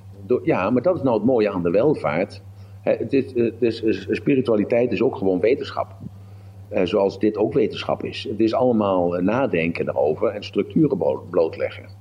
Dus ehm, ja, het komt altijd terug omdat je het herkent als dusdanig. Ja, mooi. Ja. Ja, ik, ik zie het leven als een soort. ehm, een soort, soort eh, eh, je pad ligt al klaar en er liggen dan kruimels op en die, die kruimels moet je zien te vinden of zien te herkennen. Ja. En, eh, Nou, heel mooie metafoor. Mooi. Heel mooi sprookje. Ja, heel mooi. ja, ja, dat is vaak. In feite wel. Sorry? Ja, dus heel veel mensen zijn de, dat is heel mooi dat je zegt, maar heel veel mensen zijn de weg kwijt. Ja, of, of zien de kruimels niet. En dat je daardoor het verkeerde pad ingaat en dan eh, zie je een, een kruimel die. Ja. Ik denk. De eh, weg kwijt. Ja, dat kan, ja, dat kan ook nog van, van het padje Dat af. is hetzelfde. Dus de Ja. van het padje af. Nou, het is toch hetzelfde. Ja, Zo, dus, dus hoe kunnen we nou helpen dat mensen dus weer terugkomen op het padje? ja. Nou, en, eh, En dat doe jij in je dat is event. heel simpel. Ja. En, Dus dat, dat ga ik dan vertellen op de 29e. Mhm. En dat ga ik dan eh, oefeningen voor doen, zodat je dan eh, dichter bij jezelf komt. Ja, moet je ook niet te zwaar aan tillen allemaal. Hè, want ik, eh, het, het, het moet ook oppassen dat het allemaal niet zo zwaar, zo zwaar wordt. Want het moet ook toepasbaar zijn. En we gaan het ook hebben over communicatie. Hoe kun je optimaal eh, communiceren naar de ander, zodat je kunt krijgen wat je wilt? Hoe kun je optimaal functioneren naar jezelf? Eh, hoe, hoe werkt het potentieel? Hoe kun je het potentieel ontwikkelen? Hoe kun je die overtuigingen die je belemmeren, hoe kun je die veranderen in ondersteunende overtuigingen? Ja, hoe kun je, ehm, ja, hoe, hoe kun je het, de werkelijkheid veranderen van jezelf? Hè? Datgene waar je onder, eh, onder gebukt gaat, ervaringen. Hoe kun je die veranderen? Dat laat ik zien bij mensen die naar voren toe komen. En dan eh, geef ik de structuur aan wat, eh, ja, wat, wat je kunt veranderen. Omdat de structuur is, kun je de juiste structuur veranderen in een andere structuur. Waardoor je minder, ehm, minder eh, medelijden met jezelf krijgt, minder leidzaam bent, minder, ja, meer initiatief neemt om jezelf verder te ontwikkelen en verder te gaan op het pad waar je op deze wereld voor bent. Dus er zit een, een hele zware spirituele ondertoon in, eigenlijk, in de, op de 29e. Maar spiritualiteit is gewoon ook heel licht en heel makkelijk te begrijpen als je gewoon een paar basisprincipes accepteert. Dat niks toeval is Hè? Want een toeval eh, gebeurt jou en valt jou toe, maar jij bepaalt zelf de betekenis die je eraan geeft. En dat is dus dan het goddelijke in jou. En ja, zo zijn er dus meer dingen die ik dan vertel, die ook misschien aanstootgevend kunnen zijn, omdat ze niet passen in het uh, wereldbeeld wat jij jezelf hebt gevormd de afgelopen jaren. Maar het zet je in ieder geval wel toe tot denken en opnieuw reflecteren. En dat zorgt er weer voor dat je hernieuwde energie krijgt. En vanuit die nieuwe energie, hervonden energie, uh, ga je weer uh, anders naar huis, zodat je gekomen bent met nieuwe ideeën en met een anders zijn. En, nou, en dit allemaal omdat we spreken over Emiel's boek uh, Body Logics. Uh, waar we ook gewoon een hele mooie aanbod hebben gekregen van Emiel voor iedereen hier in de room. Uh, en als je dus meer wil weten en ontzettend ja, nieuwsgierig bent naar alles wat Emiel te vertellen heeft. Emiel, hoe weten we waar en wanneer we dan kunnen joinen met wat jij vertelt? Dat, de, dat, dat, dat, weet, ja, dat weet Ginger allemaal, denk ik. Dat kunnen jullie zien op Emiel Ratelband, dus zijn voor- en achternaam aan elkaar. Punt club, C-L-U-B. Dus Emiel Ratelband, punt club. Kijk. Chic idee. Uh, Pauline, hoeveel, uh, voor, uh, hoeveel vragen kunnen wij beantwoorden van mensen die in de room zitten? Nou, ik heb nog één vraag aan Emiel. Um, ja, eigenlijk 80.000, 80.000, maar nee, laat ik het even, even uh, uh, tot één houden. Ik vind het echt um, enorm inspirerend hoe energiek jij overkomt. Hoe kom jij aan jouw energie? Hoe laat jij jezelf op? Oh, dat is, dat is niet één vraag, hè? Sorry. hoe kom jij aan je energie? Ja, uh, ja, dat is eigenlijk de meest gestelde vraag. Oh ja? Dus mensen die dan uh, afgelopen, afgelopen uh, wanneer was het, de 17e bij me waren. Uh, van, ehm, ja, nou, maar die mensen voelen zelf ook die energie als ze bij me zijn geweest. Omdat de energie is iets wat, um, ja, wat in je zit. En wat je vrij baan moet geven. En dat heeft te maken met de mentale processen.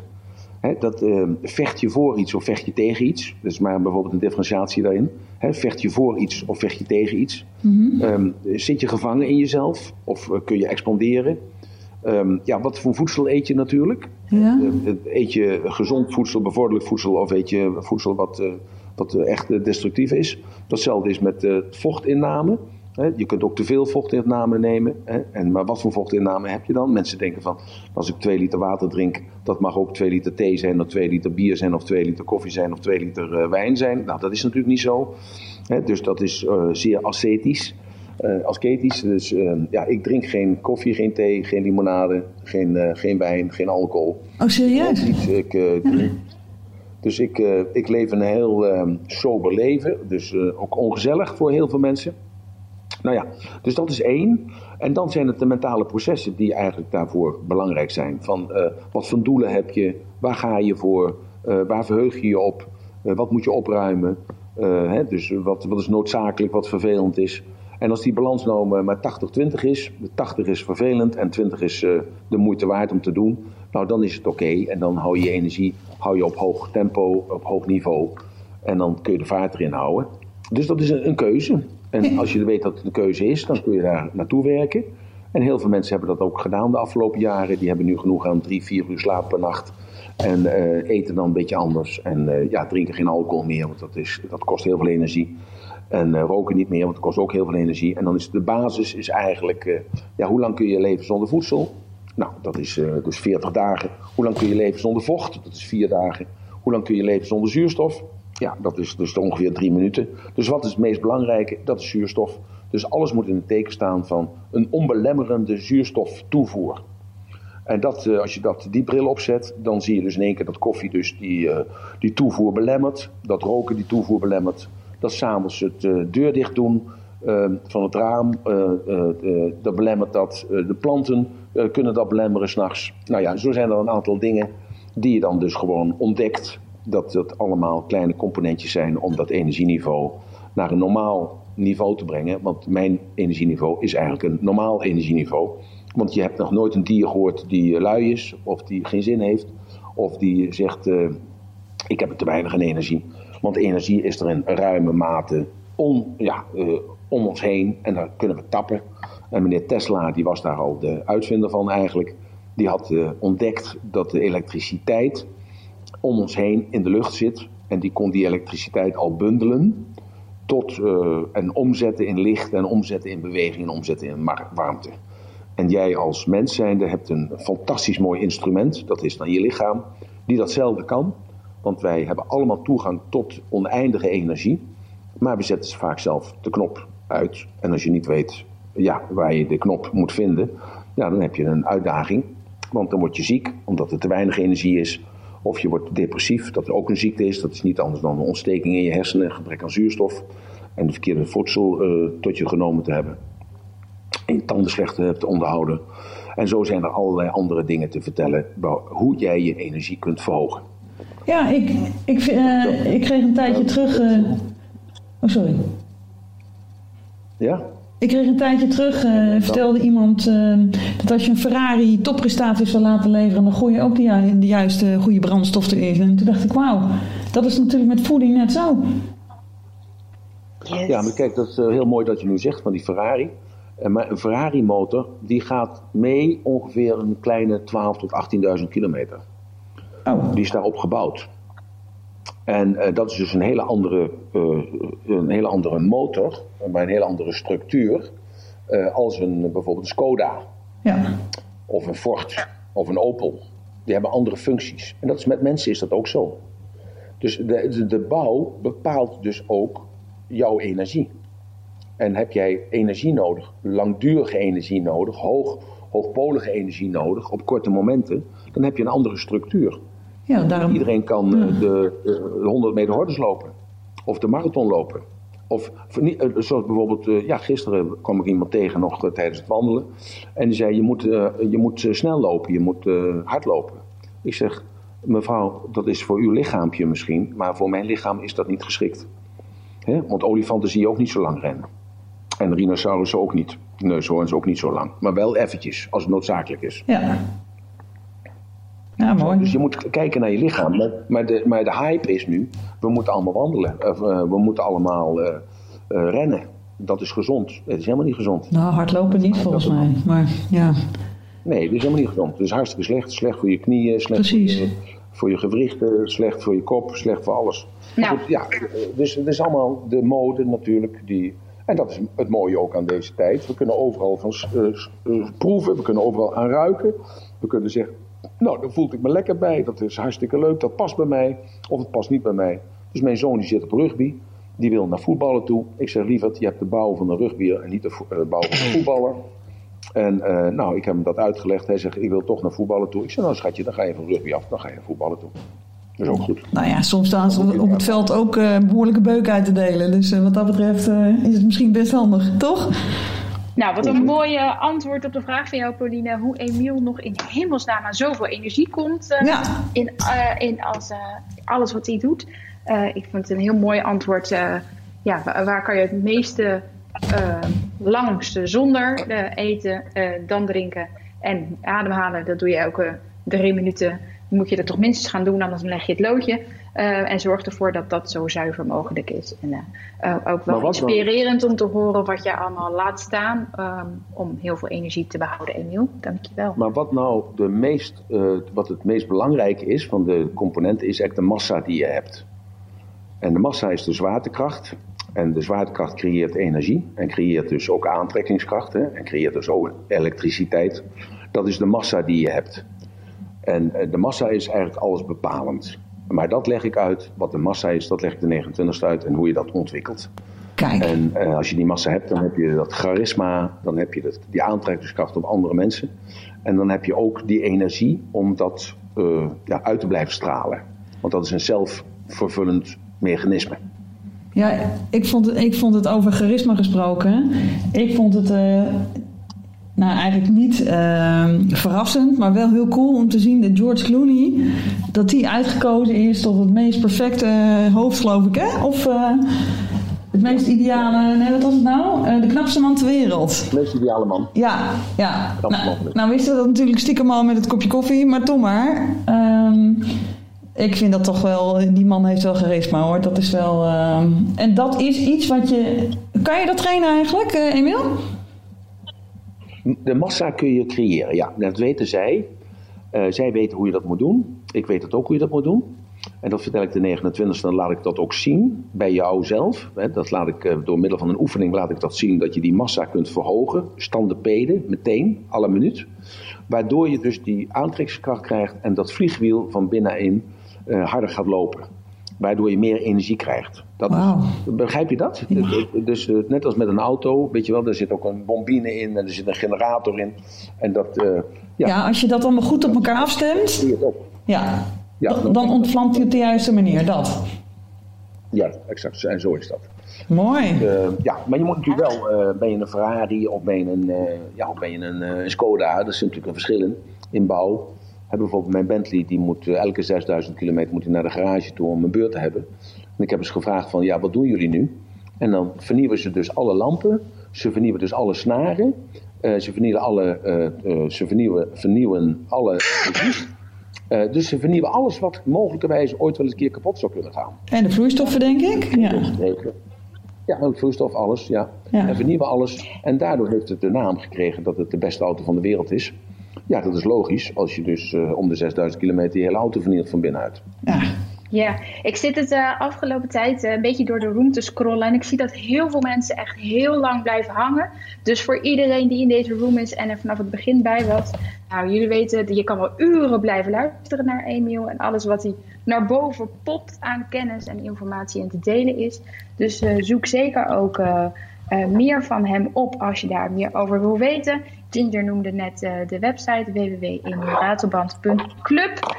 Um, en uh, voor uh, vragen uit het publiek, Pauline? Ja, ik uh, zeg kom er naar boven, steek je hand op als je, als je een vraag hebt voor Emiel. Um, of als je... Nog even, ja, dan wil ik graag nog even iets aan Body Logics toevoegen. Wat het voor de luisteraars um, misschien nog wat inzichtelijker maakt. Is dat we het van een, een hond met een lange neus heel goed begrijpen dat hij goed kan ruiken of een, een paard wat heel stevig is, dat dat beter een kar kan trekken dan een heel fragiel paardje. Mm Daar snappen we het heel evident van, zeg maar. Maar van mensen, dus hoe Emiel dat uh, omschrijft, daar hebben we dan een beetje van, oh, hoe kan dat nou? Maar dat is dus, ja, wij zijn ook dieren eigenlijk, of uh, daaruit voortgekomen. Dus probeer, uh, als je dat boek gaat lezen, helemaal open te stellen van ja, dit zien wij bij dieren om ons heen ook. Die body logica. Waarom zouden mensen dat niet hebben? En een ander dingetje nog is dat het ook leuk is in het verlengde van deze kennis om eventjes van uh, Da Vinci is dat de Vitruviusman op te zoeken. En daarin wordt ook een bepaalde logica van het uh, body ten opzichte van hemellichamen beschreven. En wat, wat is een hemellichaam? Een cirkel. Oh, oké. Ja. Oké. Ja. En Da Vinci heeft inderdaad ook die verhoudingen erin staan. Ja. Tof. Um, voor de boekenclub, als je een vraag hebt, uh, rechts onderin zie je een handje. Dus die kan je opsteken als je nog een boekvraag hebt over het boeken van Emiel over uh, op zijn Nederlands body, uh, en op zijn Engels body logics.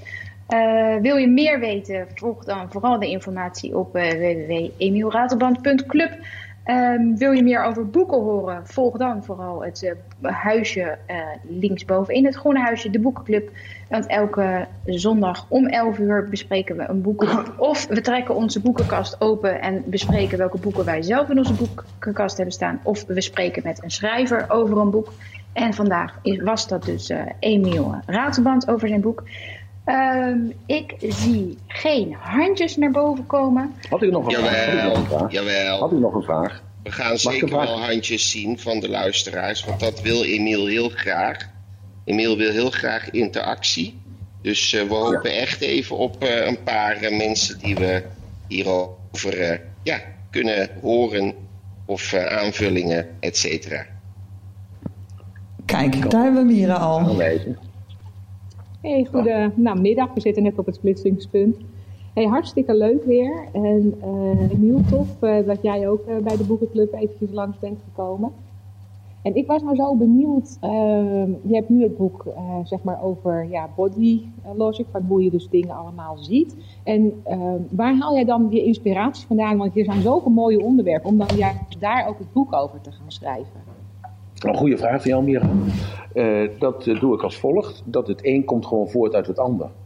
Uh, dus ik heb gewoon die behoefte om daar een antwoord op te krijgen. Omdat ik denk altijd bij mezelf van nou, als ik daar een antwoord op wil hebben, als ik daardoor geïntegreerd ben, dan zullen de andere mensen dat ook wel hebben.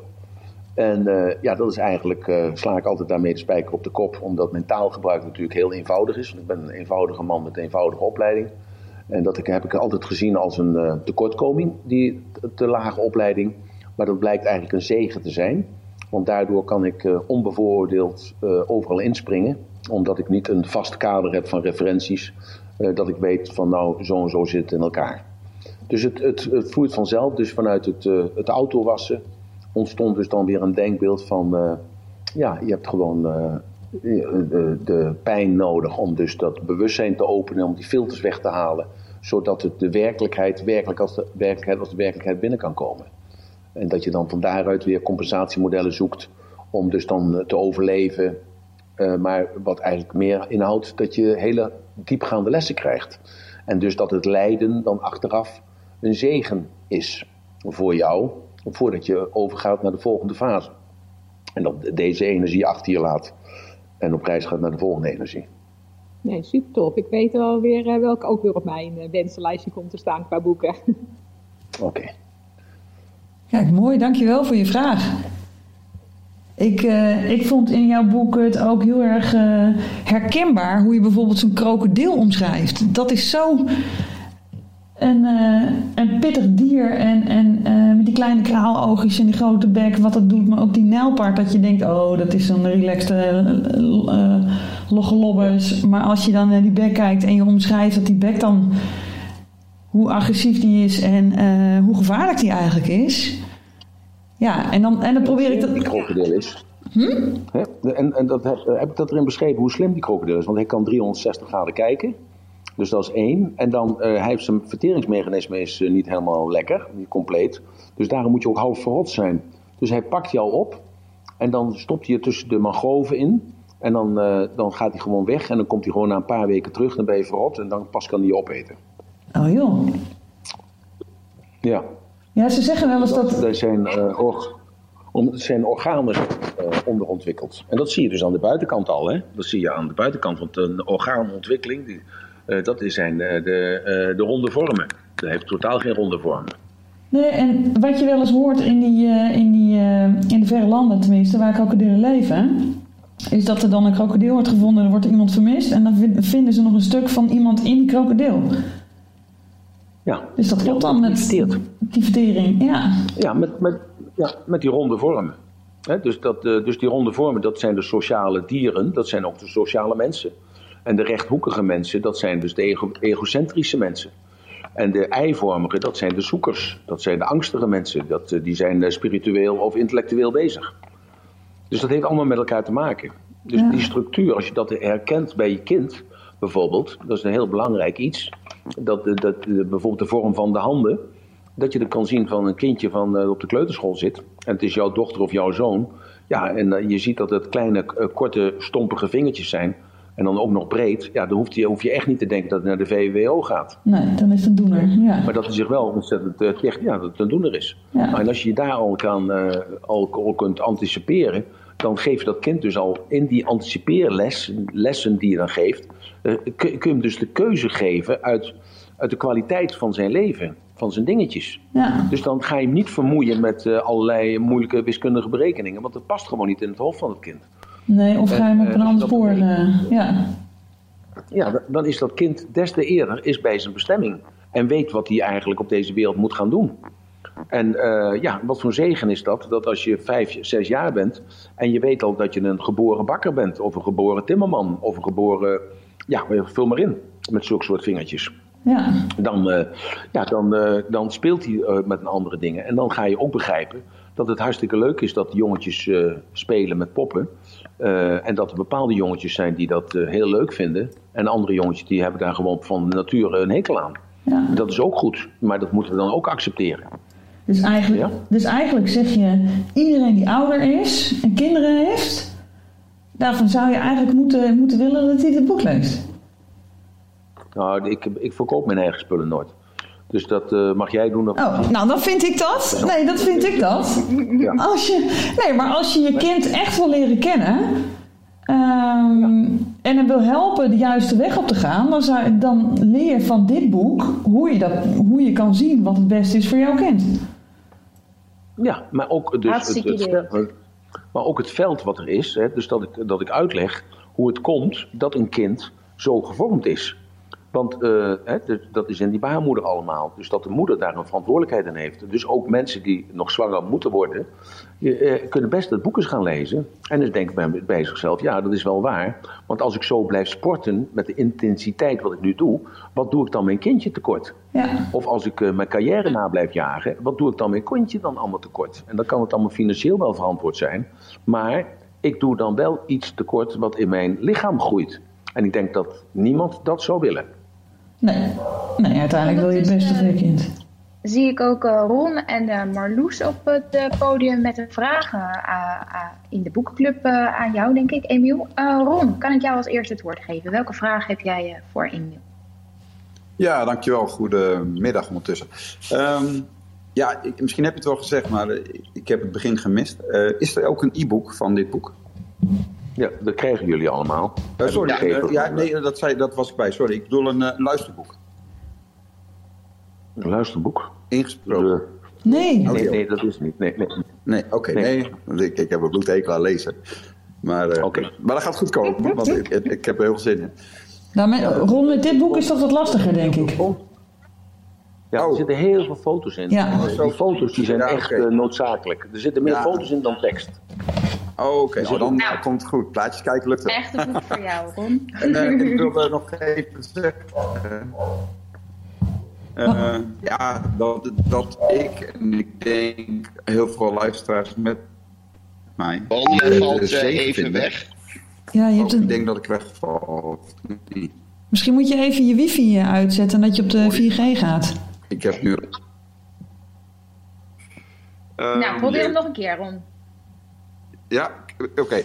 Nou, ik denk dat ik, eh, in ieder geval voor mezelf, maar ik denk ook heel velen met mij, dat het een zegen is, Emiel, dat jij die opleidingen niet hebt kunnen doen eh, vroeger. Want eh, het leven heeft jou zoveel gegeven.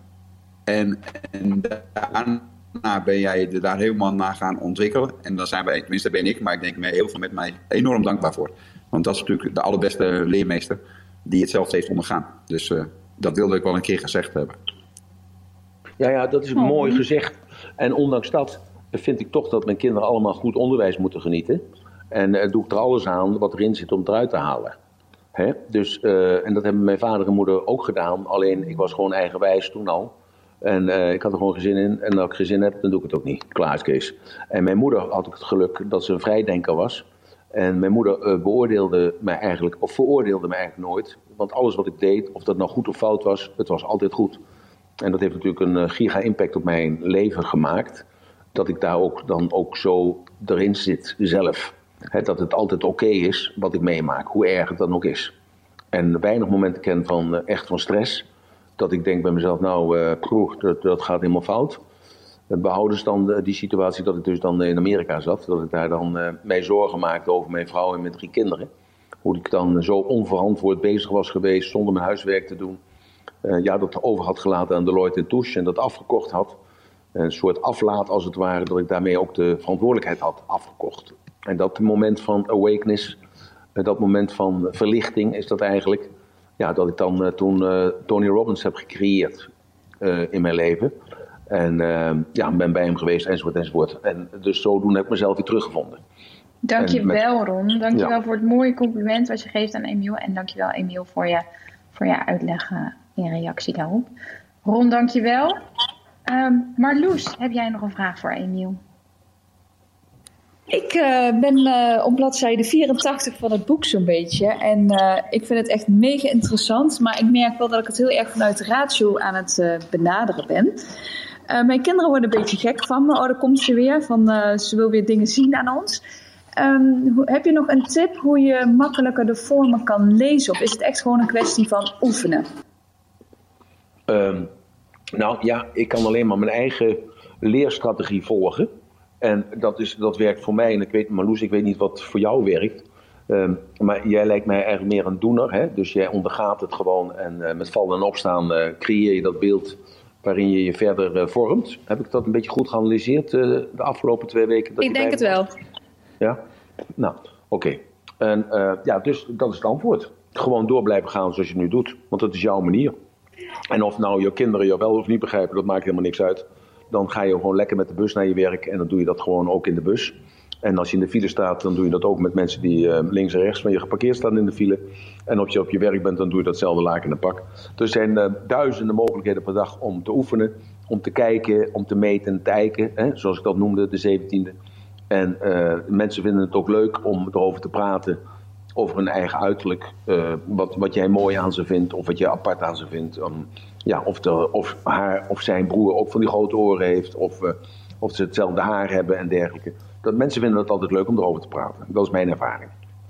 Nou, en ik eh, zag ook heel erg dat je het over lente, eh, winter, herfst en ehm, zomerverwekkingen hebt. Dat dat ook allemaal weer bepaalde eigenschappen met zich meenam. Dat vond ik ook wel heel Ja. erg interessant.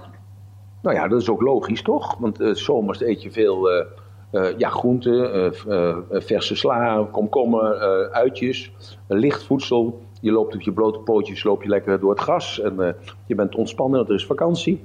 Dat is natuurlijk een hele andere eh, lichamelijke welbevinden als eh, 's winters, als je het koud hebt en je hebt een grote dikke warme jas aan, de kachel staat op heet en je eet eh, eh, zuurkool met spek en eh, boerenkool met dikke aardappels en, eh, en, en eh, ranzige speksoorten, weet ik veel wat allemaal. Dus natuurlijk is er eh, bepaalde eh, soorten stoffen zitten in salade wel en in boerenkool niet. En andere stoffen die zitten in zuurkool wel en in eh, komkommer niet. Ja, en als je, nou ja, dat heb ik daarin beschreven, eh, hoe belangrijk dat is. Eh, want als je een tekort aan eh, bepaalde stoffen hebt, doordat je rookt, hè, dus dat is niet de nicotine, maar er is altijd een antagonist die daardoor vernietigd wordt. En zo is het ook met de mensen die in de oorlog hebben geleefd. Bijvoorbeeld vooral in de hongerwinter. Kinderen die in de hongerwinter, hongerwinter verwekt zijn, lijden allemaal aan artritis.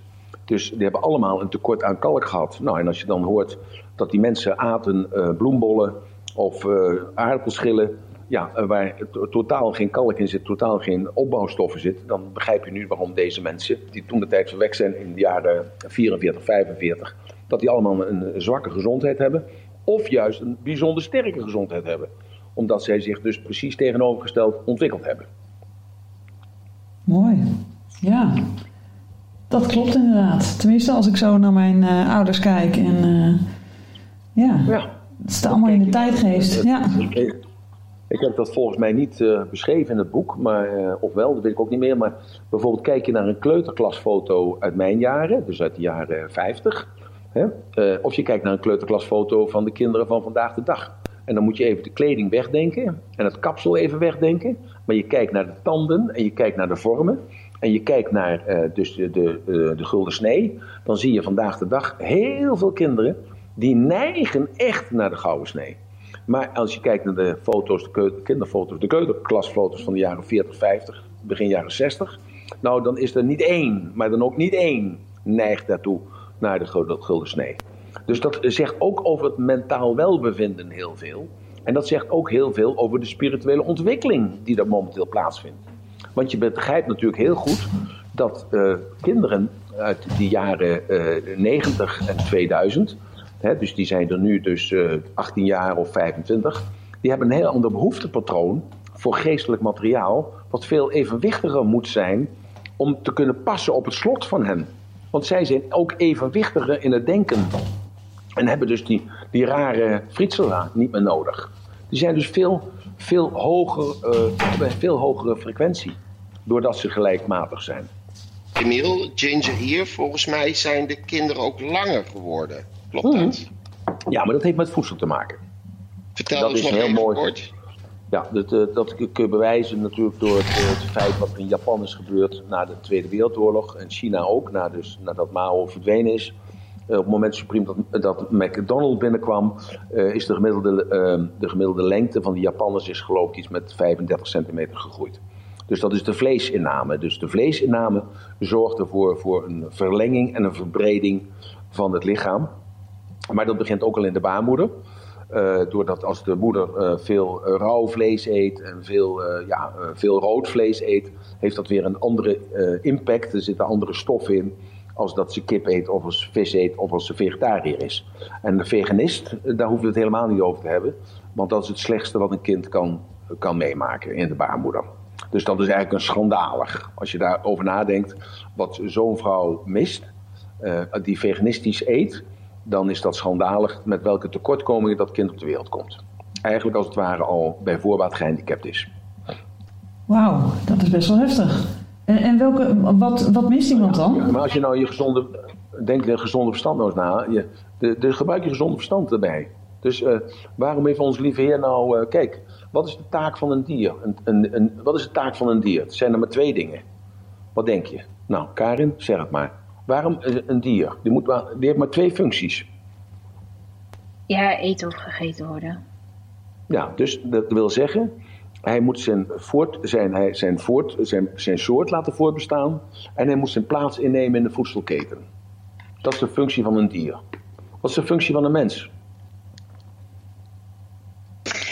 Uh, ja, Goed, daar bestaan meerdere antwoorden op. Hij moet zijn soort, zijn soort moet hij dus, zijn voortplanting. Ja, dat. Ja. De voedsel, ja, de, maar de voedselketen is niet meer van belang, want wij zitten niet meer in de voedselketen. Ook niet meer aan het einde van het begin van de voedselketen, want wij worden niet gegeten. En we hoeven niet bang te zijn dat er iemand om de hoek komt en die ons opeet. Maar er is wel iets anders waarvoor wij op deze wereld zijn. En wat is dat dan? Dat is het verschil tussen dier en mens. Uh, wat kennis? is dat dan? Nee. Geen idee. Sociaal, zeggen. elkaar helpen. Juist, dat is liefde. Licht. Geven. Voor de ander. Want een mens kan alleen maar bestaan bij de gratie van de ander. En hij kan die alleen, die ander, kan alleen maar daar zijn als hij dat toelaat. Ja, dat is wel heel mooi. Dus dat is zijn functie. Zo, dat is zijn functie. En dat bewustzijn krijgen steeds meer mensen. Dat hoor je ook. Dat hoor je ook, dat steeds meer mensen zich bewust worden van het feit dat ze deel zijn van een groter geheel. En dat ze in dat grote geheel daar geen structuur in zien, ja, dat ligt aan de meesters. Dat de meesters dat nog niet verteld hebben. Maar als de structuur duidelijker wordt, ja, als je structuur duidelijker wordt voor hen, die daar klaar voor zijn, dan zul je zien wat er gaat gebeuren in deze wereld. Ja. En dat is het mooie aan de COVID. Want die meesters, die kunnen dat nu blijven zeggen, maar de geest is open. Ja, omdat iedereen naar binnen keert, zeg maar. Altijd een tegenspoed. Wat zeg je? Omdat, omdat de meeste mensen in die COVID-tijd naar binnen keren, zo. Ja, want die zijn. Kijk, ik zal het even bazaal, bazaal uitdrukken. Uh, vroeger had je de kerk, de klerus, het kapitaal en de politiek. En of dat nou de burgemeester was of het was de koningin, dat maakt niet uit. Maar daar vertrouwde je op. Wij hebben nu geleerd, in de afgelopen jaren, en vooral het laatste afgelopen half jaar, hebben we geleerd dat, uh, dat de politiek niet te vertrouwen is. Dat is één. Dat, ten tweede hebben we geleerd, de afgelopen 40 jaar hebben we geleerd dat de klerus ook niet te vertrouwen is. En door de hele situatie hebben we ook langzamerhand geleerd dat het kapitaal niet te vertrouwen is. Want die denken alleen maar aan zichzelf. Dus wie kun je nog, nog vertrouwen? Ja, jezelf. Jezelf. Ja. Dus aan wie ga je dan werken? Vroeger dus deed je je tijd en je aandacht stoppen en je liefde stopte je in die andere drie. Mm -hmm. Want je stond beneden aan, de, aan het begin van de, de piramide van Maslow. En nu zitten we bovenaan de piramide van Maslow. We hebben ons allemaal financieel vrijgemaakt. We zijn allemaal veilig en zeker. Er zijn sociale voorzieningen. Er gaat niemand dood van de honger. Ja, je kunt nog eens een keer tekort komen. Dan ga je naar de voedselbank. Of je hebt de verkeerde formulieren ingevuld. Ja, dan ben je echt de klos.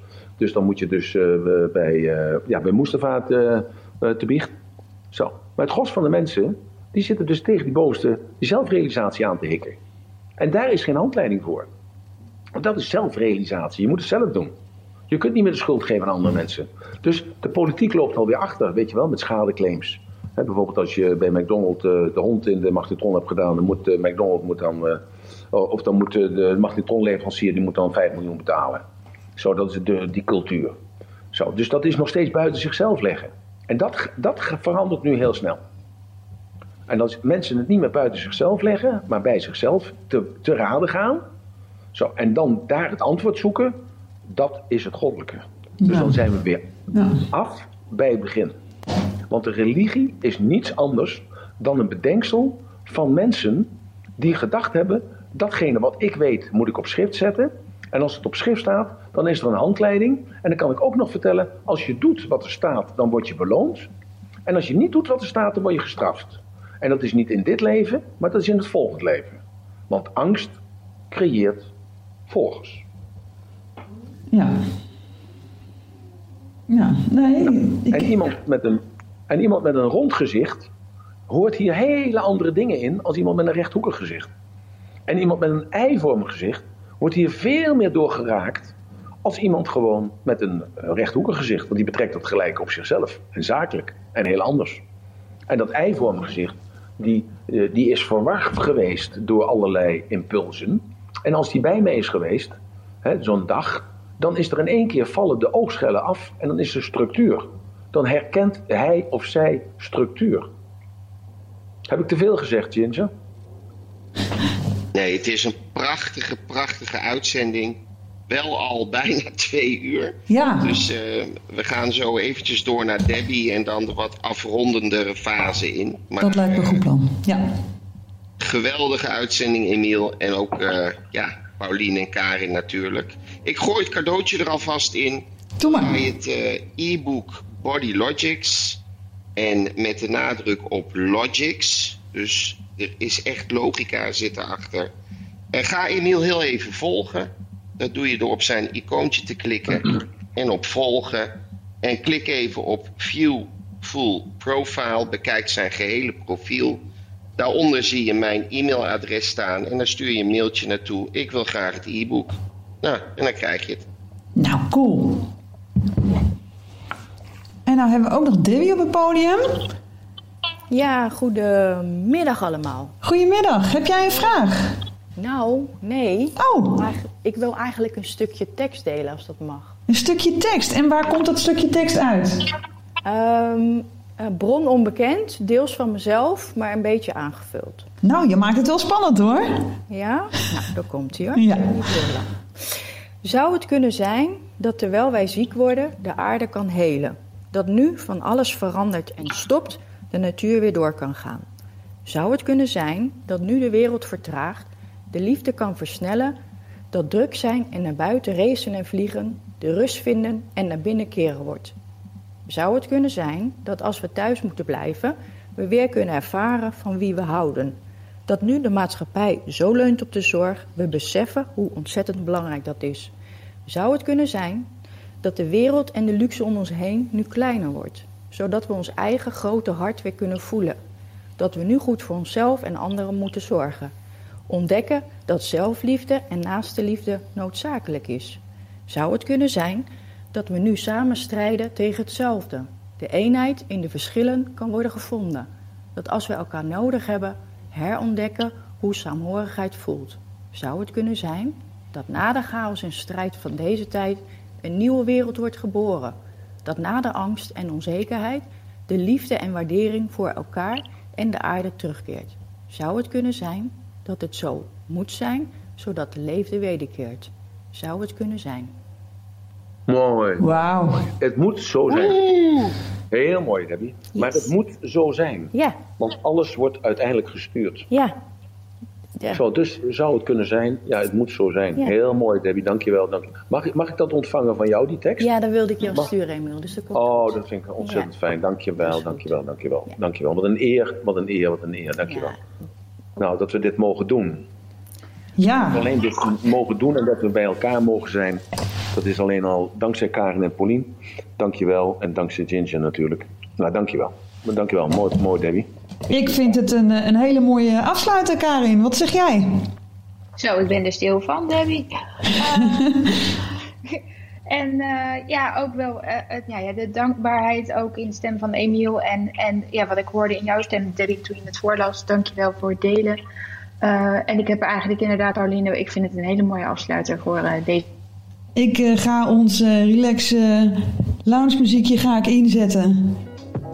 En volgens mij gaan wij gewoon lekker ons ding doen op de zondag. En ga ik Emiel en Ginger ontzettend bedanken voor dit mooie gesprek. En ehm, ik wens jullie heel veel succes bij jullie event op, op 29 mei.